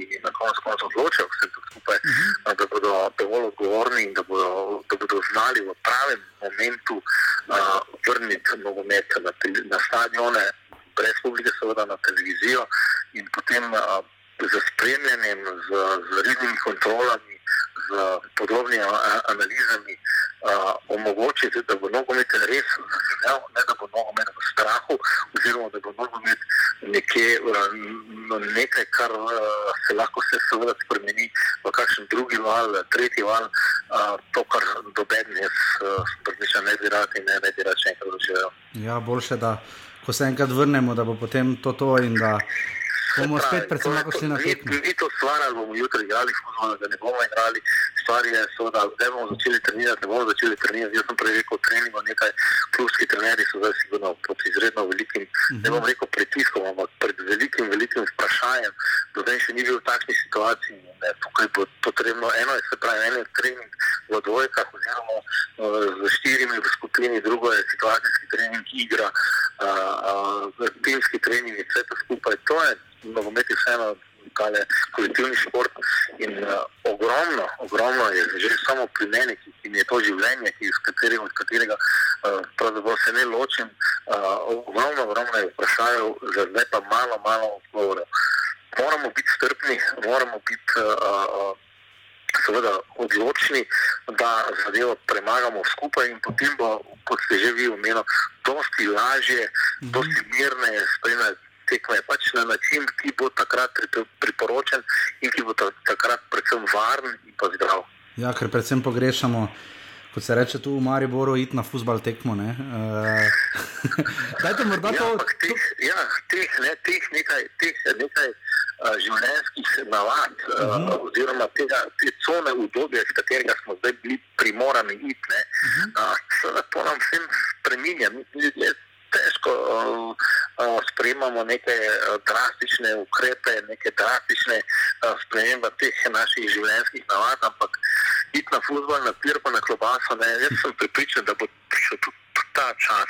Seveda, če bomo zdaj, ko je pa to nujno, uh, ravno bili dovolj strpni, predvsem pa z mero optimizma in, in nekega vedrega pogleda vnaprej, in ne samo jamranja in iskanja vsega slabega, mhm. strašenja ali pa, ali pa čega koli drugega. Ne. Ko bo enkrat možno, v vse dovedno na koncu ponavadi rečemo, če le imate možnost, pojdite na kakšno tekmo v svojem bližnjem kraju. Kak, kaj bi vi rekli, kakšno, kak bi vi opisali, kakšna je razlika gledati nogometno tekmo po televiziji ali pa v živo? ne, neprecenljiva. Ne, mislim, ne, ne znam si predstavljati, ne, da, da ti je lahko kavč, uh, telekomander, pa 70 tekem na vseh teh živih programih, uh, da ti je lahko več kot pa id gledati uh, lokalni derbi, morda tretji ali pa četrti linije. Ja. Tega si ne znam predstavljati in te nisem za to. In tudi zaradi tega uh, zdaj verjamete mi, nisem si še pogledal dobene tekme beloruske lige. Tako da, kaj pa turkmenistanske nimate favorita? ne, uh, nisem, nisem, res ne, pa ne podcenjujem to ničesar. Seveda razumem. Ja. Daleč, daleč od tega, ampak ne vem, ne, mm, nisem, nisem ta tip. Gospod selektor, hvala, da ste si vzeli čas za osed in upamo, da še kdaj in da bo seveda, ko se bo nogomet vrnil, da bo čim več uspehov.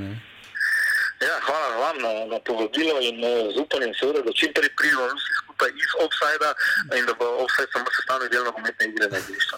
Res je. Najlepša hvala. Ja. Adijo. Lepo zdrav, lepo zdrav.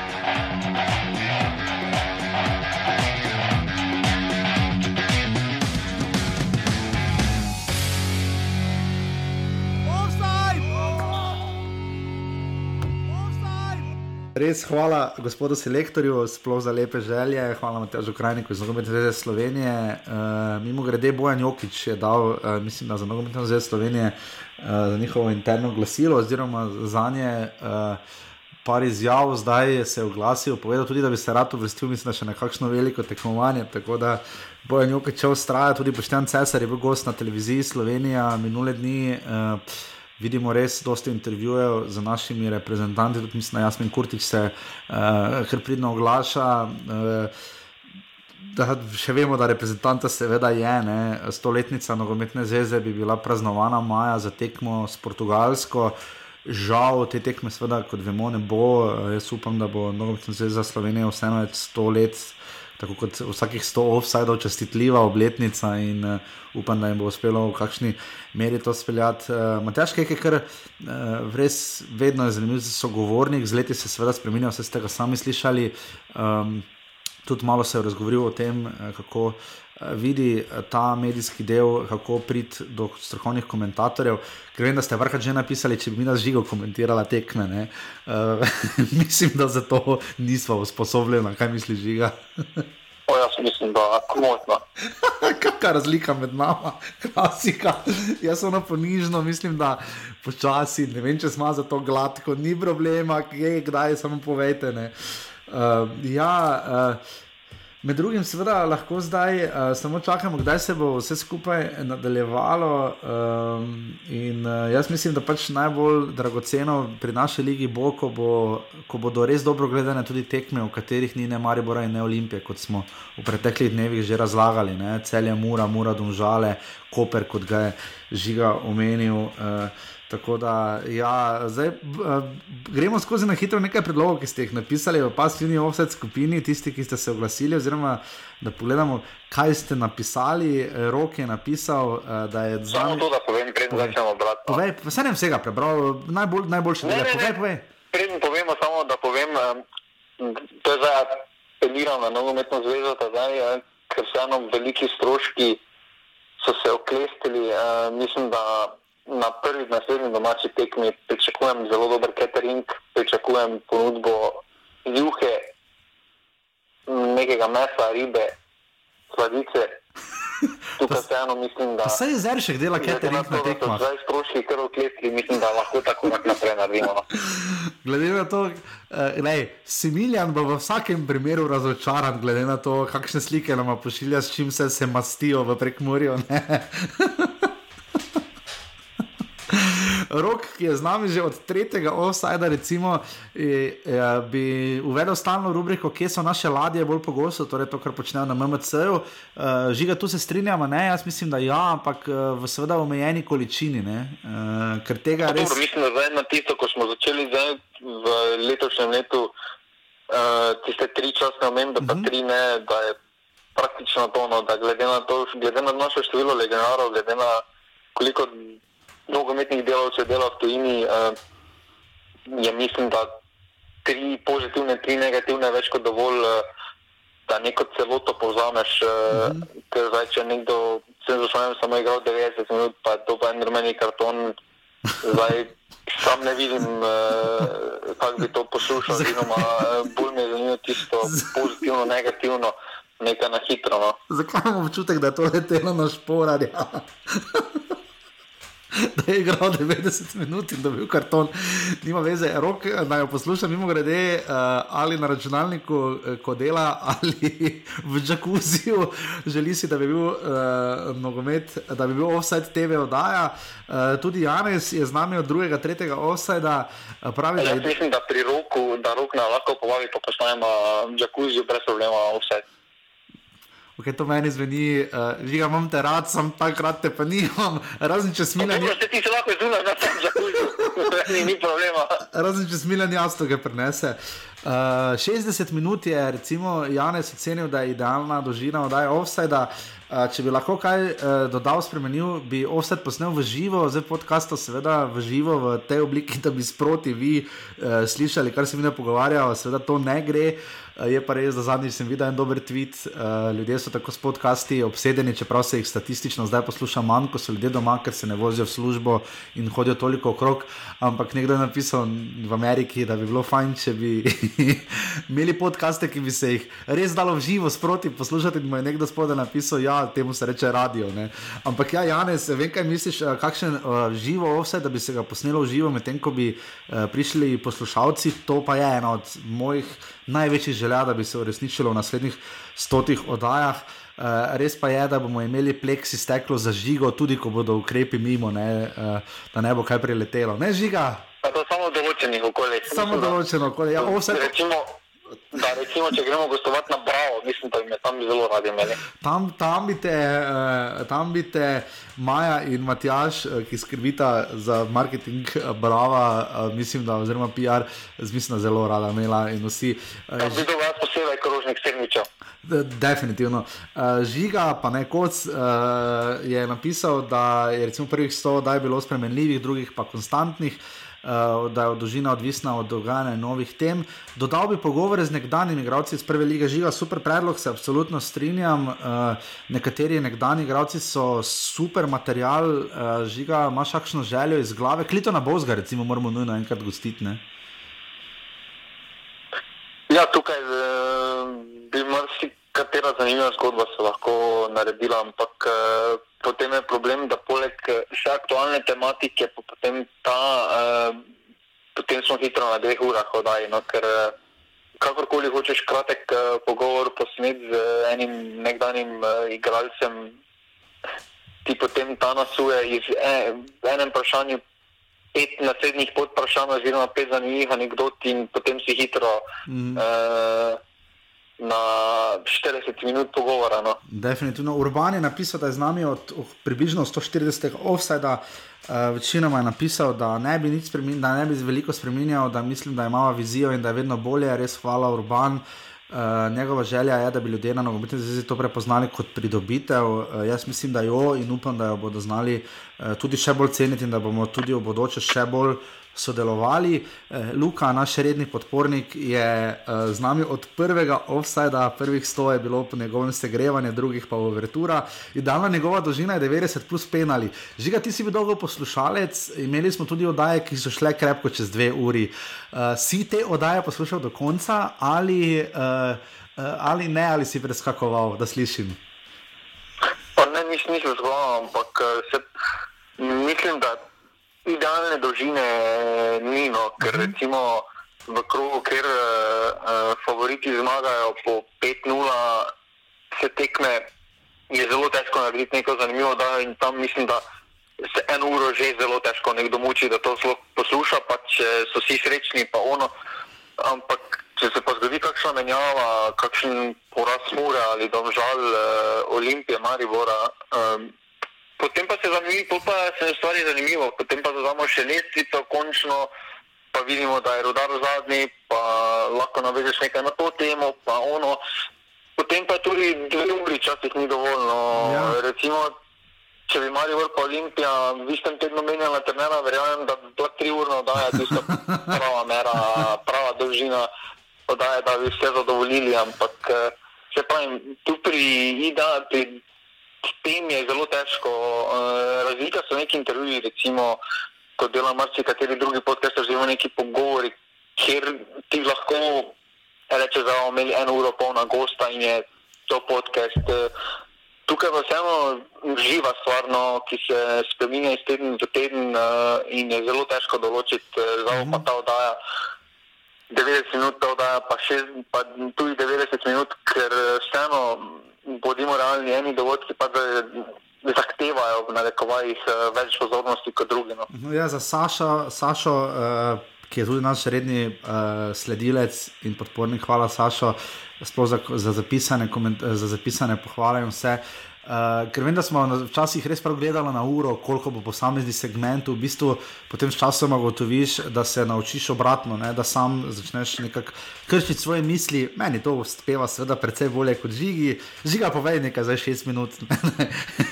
Kaj sem se? Pa ne, dobro, to, to ponovadi je tako, da ti začneš, ti nam poveš tekmo, jaz pa pol začnem. in ure in pol kasneje rečemo, če se znajdete v vsedu in konec. Saša pravi, res pa je, da recimo, če bi imela gostujočega uh, gosta v živo, ne, mislim, da bi bil z nami v prostoru, pa skozi odajo pa bi težko delovalo, po mojem, zato ker je vse ceno fiksiran. Ne. Mislim, ta gost bi moral biti redni, relativno redni poslušalec vseda, da bi lahko sledil. Saša pravi, da je idealna dolžina 57,3 minute, hvala Sašo. Dodal bi polčas, uh, v katerem bi moderatorja vsak dala po glasbeni komat, po lastni izbiri ali povezana dogajanje. Saša, jaz te moram razočarati. Uh, po, po mojih izkušnjah je okus glasbeni žige kosa in to, da se o okusih ne razpravlja, to ni res.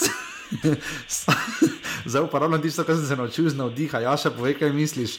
Um, ne, moje mnenje je, glede na to, kaj mi žiga, včasih vrti, preden začnemo snemati oddajo, sploh če do 15 do 7 zjutraj. Uh, jaz mislim, da bi uh, poslušalci slišali približno. Polne energije, tako kot jaz. Pribli, približno bi si komadi bili precej sorodni, precej novi, za precej milijonov ogledov na YouTubu, slišali bi jih tudi na radijskih postajah in pa verjetno to, kar do njih sačinic. Žiga, imaš najljubši komad ti ali pa najljubši bend? Ali pa izvajalci? Ne, se potem, se potem za poslušalce bi se potrudil, pa bi skupaj tisto, pa bi bilo merilo tisto, kaj nima pesmi, no, gledal. Ja, jaz bi še enkrat se zahvalil Reneju, da je takrat zbral Beti Jurkovič, ki jo slišite na začetku in na koncu vsakega offsajda. Eh, jaz mislim, da smo jo primerno res super našli, pa komad v bistvu v osnovi zveni kot jingle, narejen, uh, tista kitara na začetku, ki kiropota. Uh, kotiček, pravi Sašo, da bi za kateri klub pač gre, predvsem pa to, da sta verjetno edina, ki lahko delata primerjave s tekmami izpred parih sezon, to se trudimo, seveda pa ne gre spomin tako daleč nazaj, kot bi si uh, vedno želela. Uh, hvala, Sašo, mimo grede, ovse tradicionalno poslušam vsak ponedeljek na poti v službo v Mursko soboto. Kmalo bo to povedal tudi žiga, ne žiga. Ja, zakaj pa eno? uh, jer ne je z nami od 12. offseda, ne verjetno, da se to spomnite iz glave. Prvih 100 je bilo zabavnih, drugih 100 je bilo boljših, tudi on meni, da je idealna dolžina 90 minut. Če bi lahko kaj dodal, spremenil v offsedu, bi spremenil bolj malo, hvala, uh, jer ne. Uh, najboljša stvar, oziroma najlepši segment so žigova mnenja, ne? seveda, ne se kaj pa drugega. Ne?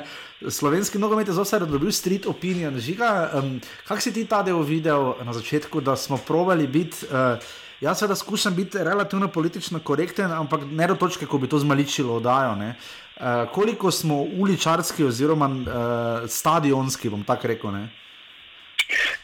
Pa dobro, mislim, da uh, tukaj moji začetki so vseeno malo bolj. Uh, tukaj pri začetkih se pač nisem imel drugega, kot sem se zavedoval po prejšnjih oddajah, ki so mhm. bile v svojem zanimivom, uh, Klemnom in Tabo. In to je bilo neko moje vodilo, ker vseeno tam se videlo, da samo na trenutke me je zaneslo. pa sem res šel verentno, ampak zdaj pa nimam teh skrbi, no. Povem uh, uh, marsikaj, uh, povem, uh, verjamem, da se marsikaj tudi večina ne strinja s tem, kako vidim stvari, ampak uh, um, sam sem pač takšen, ki vedno rad debatira, ki um, mogoče kdaj sliši, mogoče se kdaj sliši napadalno, ampak um, pač ne moj stil debate, ni za to noben napadalen. Tak, takem stilu pač debatiram, rad operiram z dejstvi, povem brez lake na jeziku zmeraj, povem, kaj si mislim. Um, in tega se tudi držim. No, zdaj, potem, v določenem trenutku se je pač to srednilo, to pa se je skupaj prineslo nekaj sproščenost pred, uh, pred tem. Uh, in mislim, da vsako dajo. Um, Je samo lažje. No. Absolutno, in uh, tudi jaz to žiga najizmerno cenim.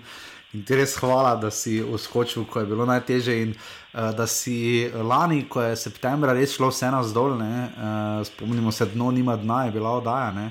Uh, tudi pri roku sem o tem govoril. Je, jaz se nisem toliko nujno naveličal oseda, ampak uh, neka negativna energija se je takrat zelo nabirala. Uh, In jaz potem se spomnim, ko smo se dobili februarja, mislim, da en teden pred začetkom prvenstva, mislim, da je Maribor Mura bila tekma. Uh, Uh, ja, ne, ti si potem, najmo, bodimo realni, takrat, ko si me videl na medijski selekciji, kako dobro igram, uh, si pa doživel spet. ja, na medijski selekciji sem videl, kaj se zmoreš, tisto sezono smo remisirali in potem nepošteno izgubili proti Mariju, proti strokovnemu štabu in podpornim službam nogometnega kluba Maribor. Uh, ampak ja, potem se spomnim, ko smo najprej se dobila in ni bilo par minut, pa smo na koncu nekaj, ker pač bi se eno spet začela in smajn. Jaz se bi res zahvalil vsem, ki ste takrat s takšnim navdušenjem sprejeli vrnitev. Tisto je podaljšalo offset, po mojem, vse za kako leto, dve.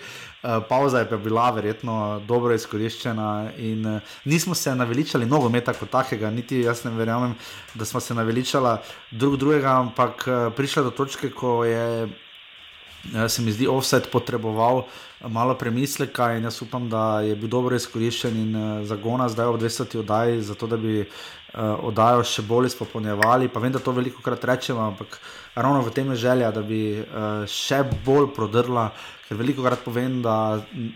Najboljše ste ga sprejeli vi, poslušalci, desni beki, rezervni golmani, kot smo ugotovili. V nogometu pušča nek pečat, ampak bi si želela, seveda, da bi še večjega najmanjšega se mi zdi, da je imel dejansko v medijskem oziru, um, ampak ni bila moja želja zdaj ali žigina, da bi offset premaknili kamorkoli drugam. Ne, ne živi tu, kjer živi in jaz upam, da čim dlje bo, uh, ker recimo uh, kot je napisal Darko, eh, naš redni poslušalec, ki je z nami od 15. Uh, eh, ali 20. oseda, tam nekje vmes, ki nas posluša v ponedeljek, ko je v službi. Jaz upam, Darko, da imaš razum, razumevajočega delodajalca. Uh, prvih 100 je bilo dobrih, drugih 100 pa še boljših. Uh, za njega mora vse trajati vsaj eno uro, hvala. In on je tisti, ki je prispeval komentar, če bi lahko kaj dodal, spremenil, bi malo pikrosti odjaše. Pa dobro, če te služi, poslušaš, da tudi na ustno mnenje. Uh... To, to res. Žiga, uh, nauči me malo pikrosti, prosim. Dobro, to pač ne misliš na posledice, pač poveš, ja. vemo, kakšno je. Vemo, um, da, ne, da nekateri še vedno nestrpno pričakujejo veliki intervju z uh, domžalskim uh, in njegovim očetom. Uh, ja, ja uh, samo ti bi potem rekel, da nimaš časa, jaz bi se v domžale samo odpeljal. ne, takrat dejansko nisem imel časa, ko smo že bili eh, na pol dogovorjeni. Se vem, se. Uh, sem se potem tudi uh, samo glasil, sem povedal razloge, bilo je sprejeto z razumevanjem. Uh, jaz upam, da bomo pač, ta intervju izvedli. No. Fajn bi bilo, da bi. Ja, jaz tudi srčno upam, no, ker uh, pač pri meni je ta problem, da večino obveznosti imam tudi takrat soboto, takrat pa bom mhm. žale igrati in potem ne morem se odeležiti. Ampak, eh, ja, recimo, ker so domžale. Z moje strani eh, ni zadržano za ta intervju, eh, sam se ga veselim. Nisem še bil v, konkretno v, kot neki vodja intervjuja, vedno sem bolj od zadaj delujem. Ja, recimo, pri Radenku Mijatoviču.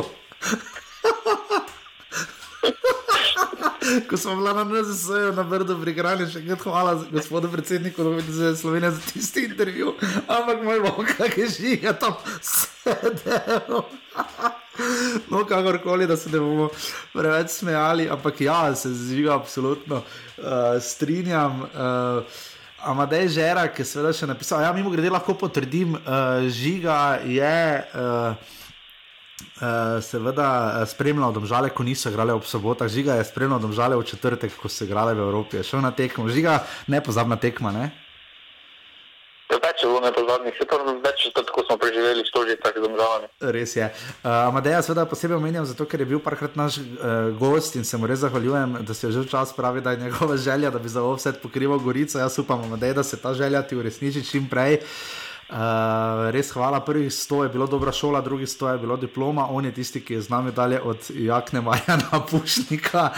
Uh, dodal bi ocene igralcev na tekmi kroga po 15 na vsaki strani v pozitivnem in negativnem smislu. Super predlog, edino bojim se, da bi to oddajo še bolj podaljšalo, oziroma bi znalo zvodeneti, če bi prišlo do tekme, kjer uh, mogoče ne bi bila tudi tekma kroga tako zanimiva, kot včasih vemo, ampak super predlog, ki jo bomo upoštevali, seveda. Uh, voditelj smeh iz nič, pa ga tudi zmaga, mislim, da smo ravno prej slišali. Ovsed poslušal v petek zvečer, ko ima mir pred masterchefom in komentarjem živo od boljše polovice. Amadej, hvala, da si toliko delil z nami uh, in seveda vse, hvala vsem uh, našim družinskim članom, ne, ki naj žigo podpirajo pri tem, da vstajamo, je, hodimo na tekme in se družimo. Uh, jaz upam seveda, da bo uh, moja želja velika, je, da greva z žigo na čim več tekem, uh, spremljati nogometno tekmo sem sam ali pa z drugimi novinarji. In ko sem skupaj z Žigo, to sta dve popolnoma različni izkušnji. Uh, mislim, da je uh, Isah Abbas ne, pustil zelo velik pečat na Žigi.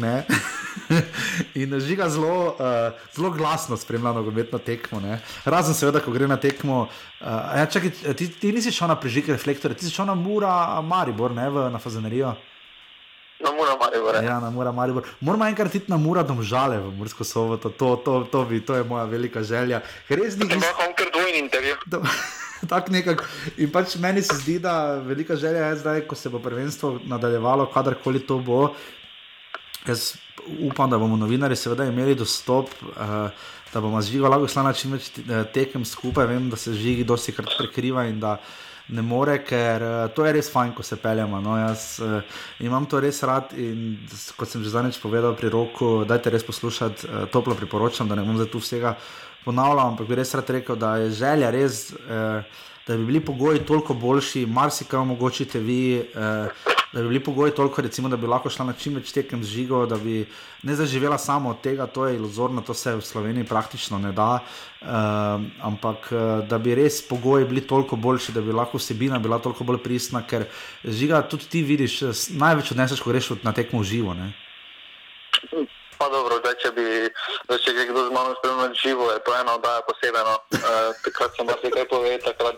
Uh, je še manj filtra, kot ga je tu. Verjamem, da to za koga težko razumeti, da je težko manj filtra. Ne bom pozabil uh, tvoje face v zeneriji, kaj to je to. Ampak uh, dobro, pač uh, tekmo živo je vseeno. Uh, Svoje vrstno doživeti, da nek čar težko vidiš. Uh, nekatere specifike preko televizije, ker se eno televizijo osredotoča na tiste, ki imajo žogo, mogoče mm -hmm. pa se mhm. takrat na drugem delu terena eh, dogaja takšen taktični boj, eh, ki ga takrat ne moreš videti. Eh, Pol pa še se skupaj dodajo tribune, eh, trenerji, eh, okolica in eh, je vseeno drugačno. No? Ja, definitivno. Pa žiga ima zelo, zelo rad, ki jaz v Kidričevem parkiram, ne žiga.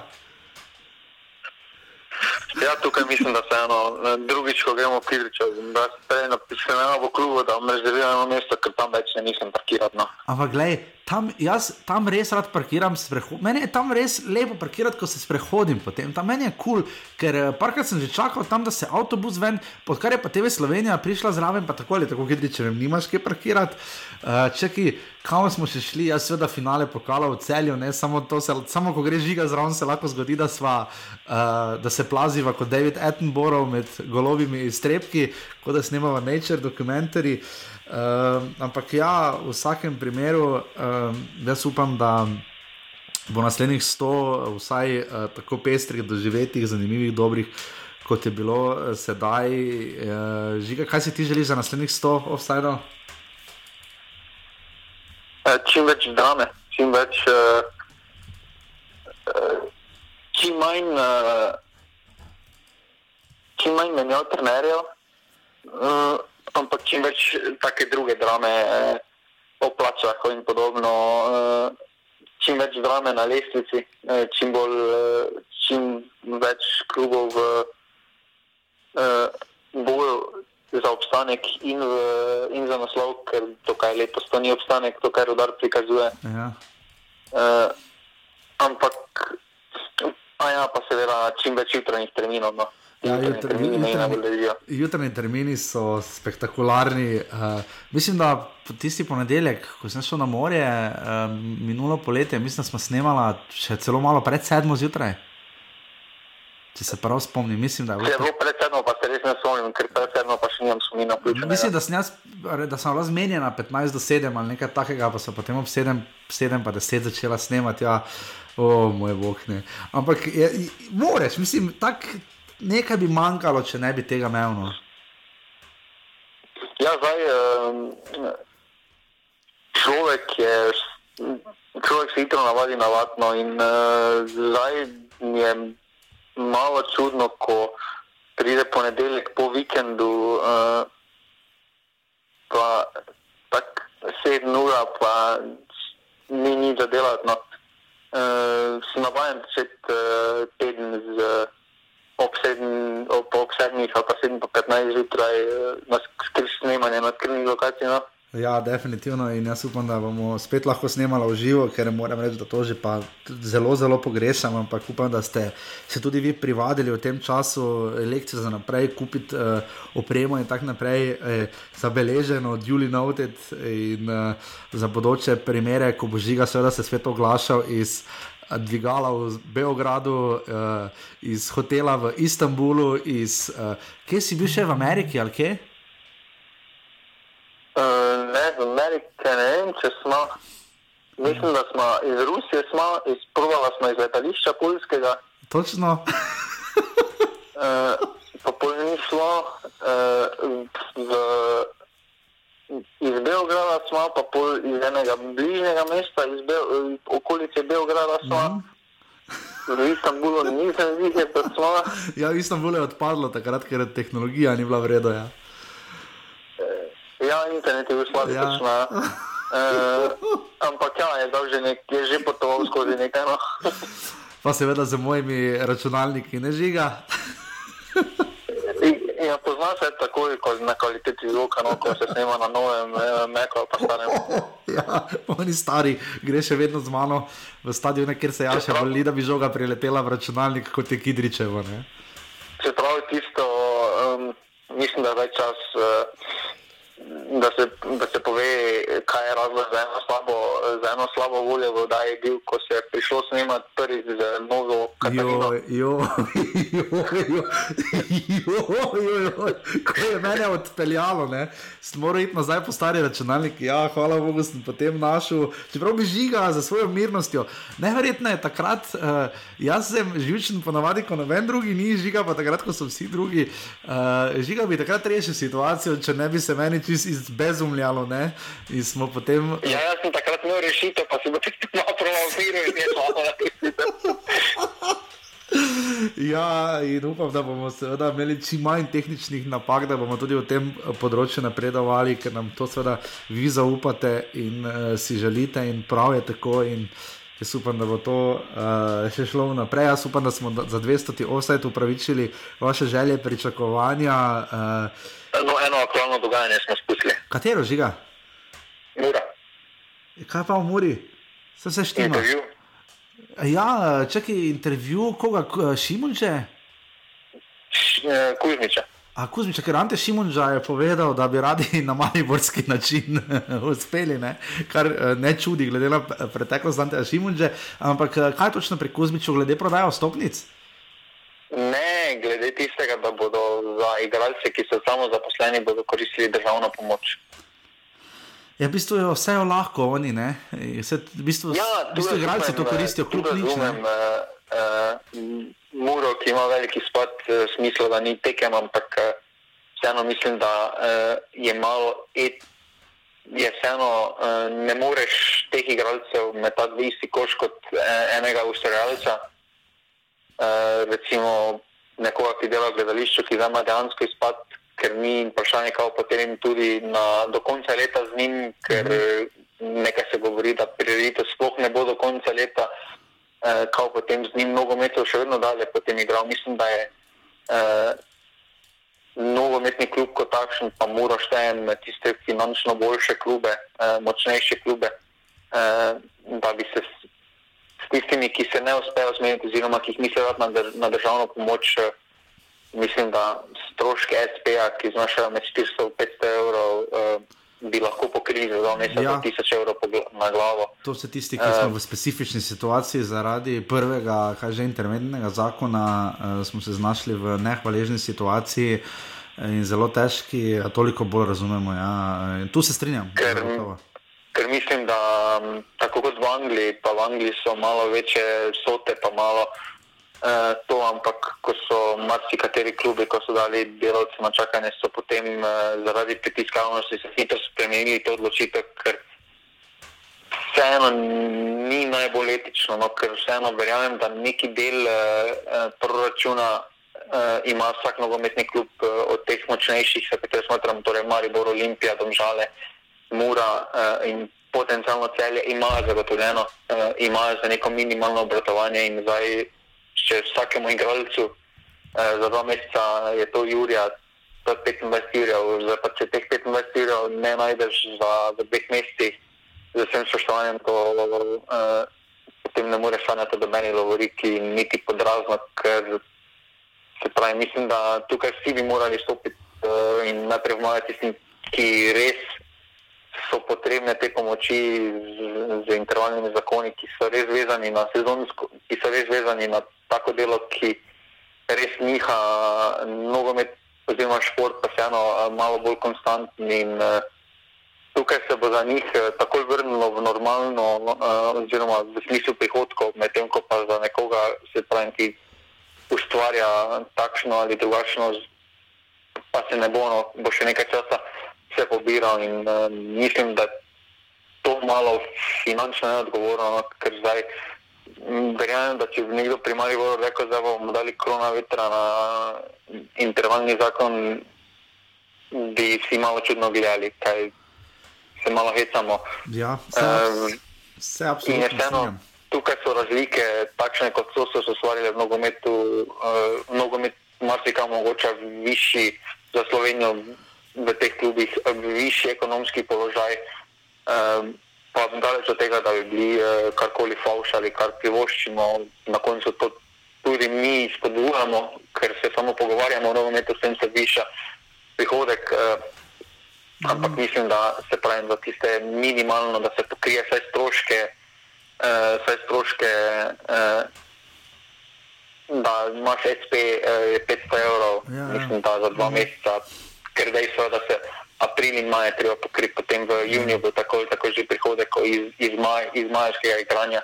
Ja, če bo ne, zdaj In- težava bo, da pač mislim, da, in ne. mislim, da tukaj ni, no, da tukaj ni na mestu, da ti klubi, oziroma da takšni klubi iščejo uh, luk in pomoč v državnem. No. Okay, in, eh, prav je, da se upam, sem, da bo neka smešna, zabavna tema, ampak eh, prav je žiga, eh, da sva pogledala naprej, ne? ker namreč vse bo šlo tudi naprej in uh, bova tudi seveda to mogoče v naslednjo oddaji finančni aspekt malo bolj. Uh, obdelala želja za intervju, je seveda tudi Darko Milanič, ki je ravno danes imel v ekipi veliki štiristranski intervju. Pa na Ciolu. pa na Sijolo, ja, zdaj so vsi krenili, tako da bomo mi malo počakali in uh, spraševali podobno. Kot danes uh, ste lahko poslušali Matjaža Keka, povejte, kako se vam je zdaj intervju, naslednjič vas bomo vključili, pa dali kakšno vprašanje še vas. Res hvala, da sodelujete v pasivni offset. Pomeni več, kot si lahko mislite in tudi pomaga pri nastajanju oddaje. Vsak mail, vsako mnenje, vse, kar zapišete, prebereva, se o tem pogovoriva. Uh, oziroma, Uh, Jaša pravi, žiga, kaj misliš, pa, pa žiga, seveda, vse zatrene. In, ampak je pa tehnik, ki so consideration, je vzeto v obzir, kot bi se lepo slovensko reklo. In žiga za konec, če se znajdete v offsajdu. Ja, tukaj je treba spet na vse, ki so sodelovali v offsajdu, treba povedati, da so se tisti znašli v offsajdu, da imajo bolj sentimentalno vzdušje. Vsi in kot se pa vrača nogomet pa smo vrnili, tiste udarne. No. Ja, jaz ne bom svet našteval vseh, ki ste, ki ste so gostovali v Osedu, ker jih je ne broj. Uh, in upam, da bo še več. Uh, res, uh, hvala za vse predloge. Tudi uh, ni še končano, kar pišete, bova vse prebrala, kaj si želite za naslednjih 100, vsaj da. Uh, Kako se vam zdaj intervju z Matjažem Kekom in današnja oddaja, pa vas zelo vesela, če se boste oglasili. Še bolj, če boste seveda podprli normani.si, pošiljnica offside. Hvala Reneju, hvala Klemnu, Bokiju, Batini, Igorju, uh, GT22, vsem gostom, vsem tistim, ki ste pomagali. Uh, hvala tudi Buhine na zadnje, ki je takrat pomagal, da smo kupili tega jetja, o katerega govorimo. Uh, in res hvala, hvala vsem in pa uh, že. Zdaj pa 132 in ena tri gostovanja, žiga, hvala tebi. Uh, tako da uh, se slišimo potem uh, znova naslednji, bomo videli uh, ponedeljek ali torek, naslednji ponedeljek je namreč spet praznik. Ne? Šolari imajo počitnice, mimo grede, če slučajno ne veste, ampak bomo videla, verjetno bomo kar v ponedeljek posnela. Uh, če, pa, če pa slučajno ne bo šlo, pa v torek. Uh, in to je to za 200 ovse, dame in gospodje. Uh, se slišimo naslednji teden. Žiga bi še kaj povedal? Uh, v torek v živo iz treninga enega prvega ki bodo takrat že po um, mnenju lahko že trenirali. Oziroma ne bodo še smeli, no uradno, ker naj bi 15. ampak vseeno.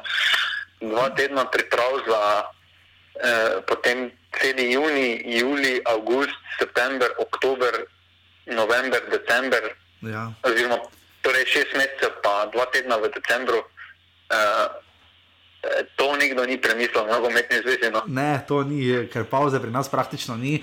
Tudi vprašanje žiga za konec, kaj bova delala, potem bo vsaj do bova imela, verjetno bi bilo fajn imeti dva na teden. ja, no, v, pet, v petih tednih bo 11 krogov. Dobro, zdaj smo tako pogrešali futbol, da bomo imeli dva, ko bo treninge začeli, ko bomo gledali video iz treninga, kaj se je zgodilo, kak je dal nekdo uhica nekomu. To je res, dajte še, to, dajte še povedati, če bi vam bili dve oddaji na teden preveč ali če bi skrajšali ali karkoli, bo z veseljem prisluhnila. Ker to delamo tudi zato, ker seveda to poslušate. Res pa je, da mi da bi se tako vmenila v nedogled, uh, verjetno. Uh, samo to je kotičko, jaz ne krajšam žiga svoj kotičko, ne krajša, to je res. bomo pač uvedli kakšnega novega, eh, eh, kratek kotiček o žigi. Edino, kar se ne spomnim, je, kdo je upeljal besedo kotiček, ali ti ali jaz, zdaj se ne spomnim. Mislim, da si ti sam rekel, da žal si kotiček. Ne? Možno pa da sem jaz zdaj rekel, zdaj pa je čas za žigi kotiček. Ne spomnim se, vem samo, da je beseda kotiček lepo ostala in uh, se kar prijela. In, uh, kdo... Marci, katere druge besede so se prej prijašile? Od, ki jih ne bomo ponavljali, so pa negativno konotirane, uh, so, so arhajične, cankarijanske besede, so uh, zelo o gozdovih, o poljedelstvu in podobno. So vse besede, ki jih je žiga naučil Jašo na najnih skupnih uh, snidenjih in seansah. Tako da res hvala vsem, hvala gospodu Keku. Uh, In hvala najbolj vam, poslušalci, da ste še naprej z nami. In uh, se slišimo naslednji ponedeljek ali torek. Hvala, adijo. Hvala, adijo. Jer ja, jer ja, ja, ja.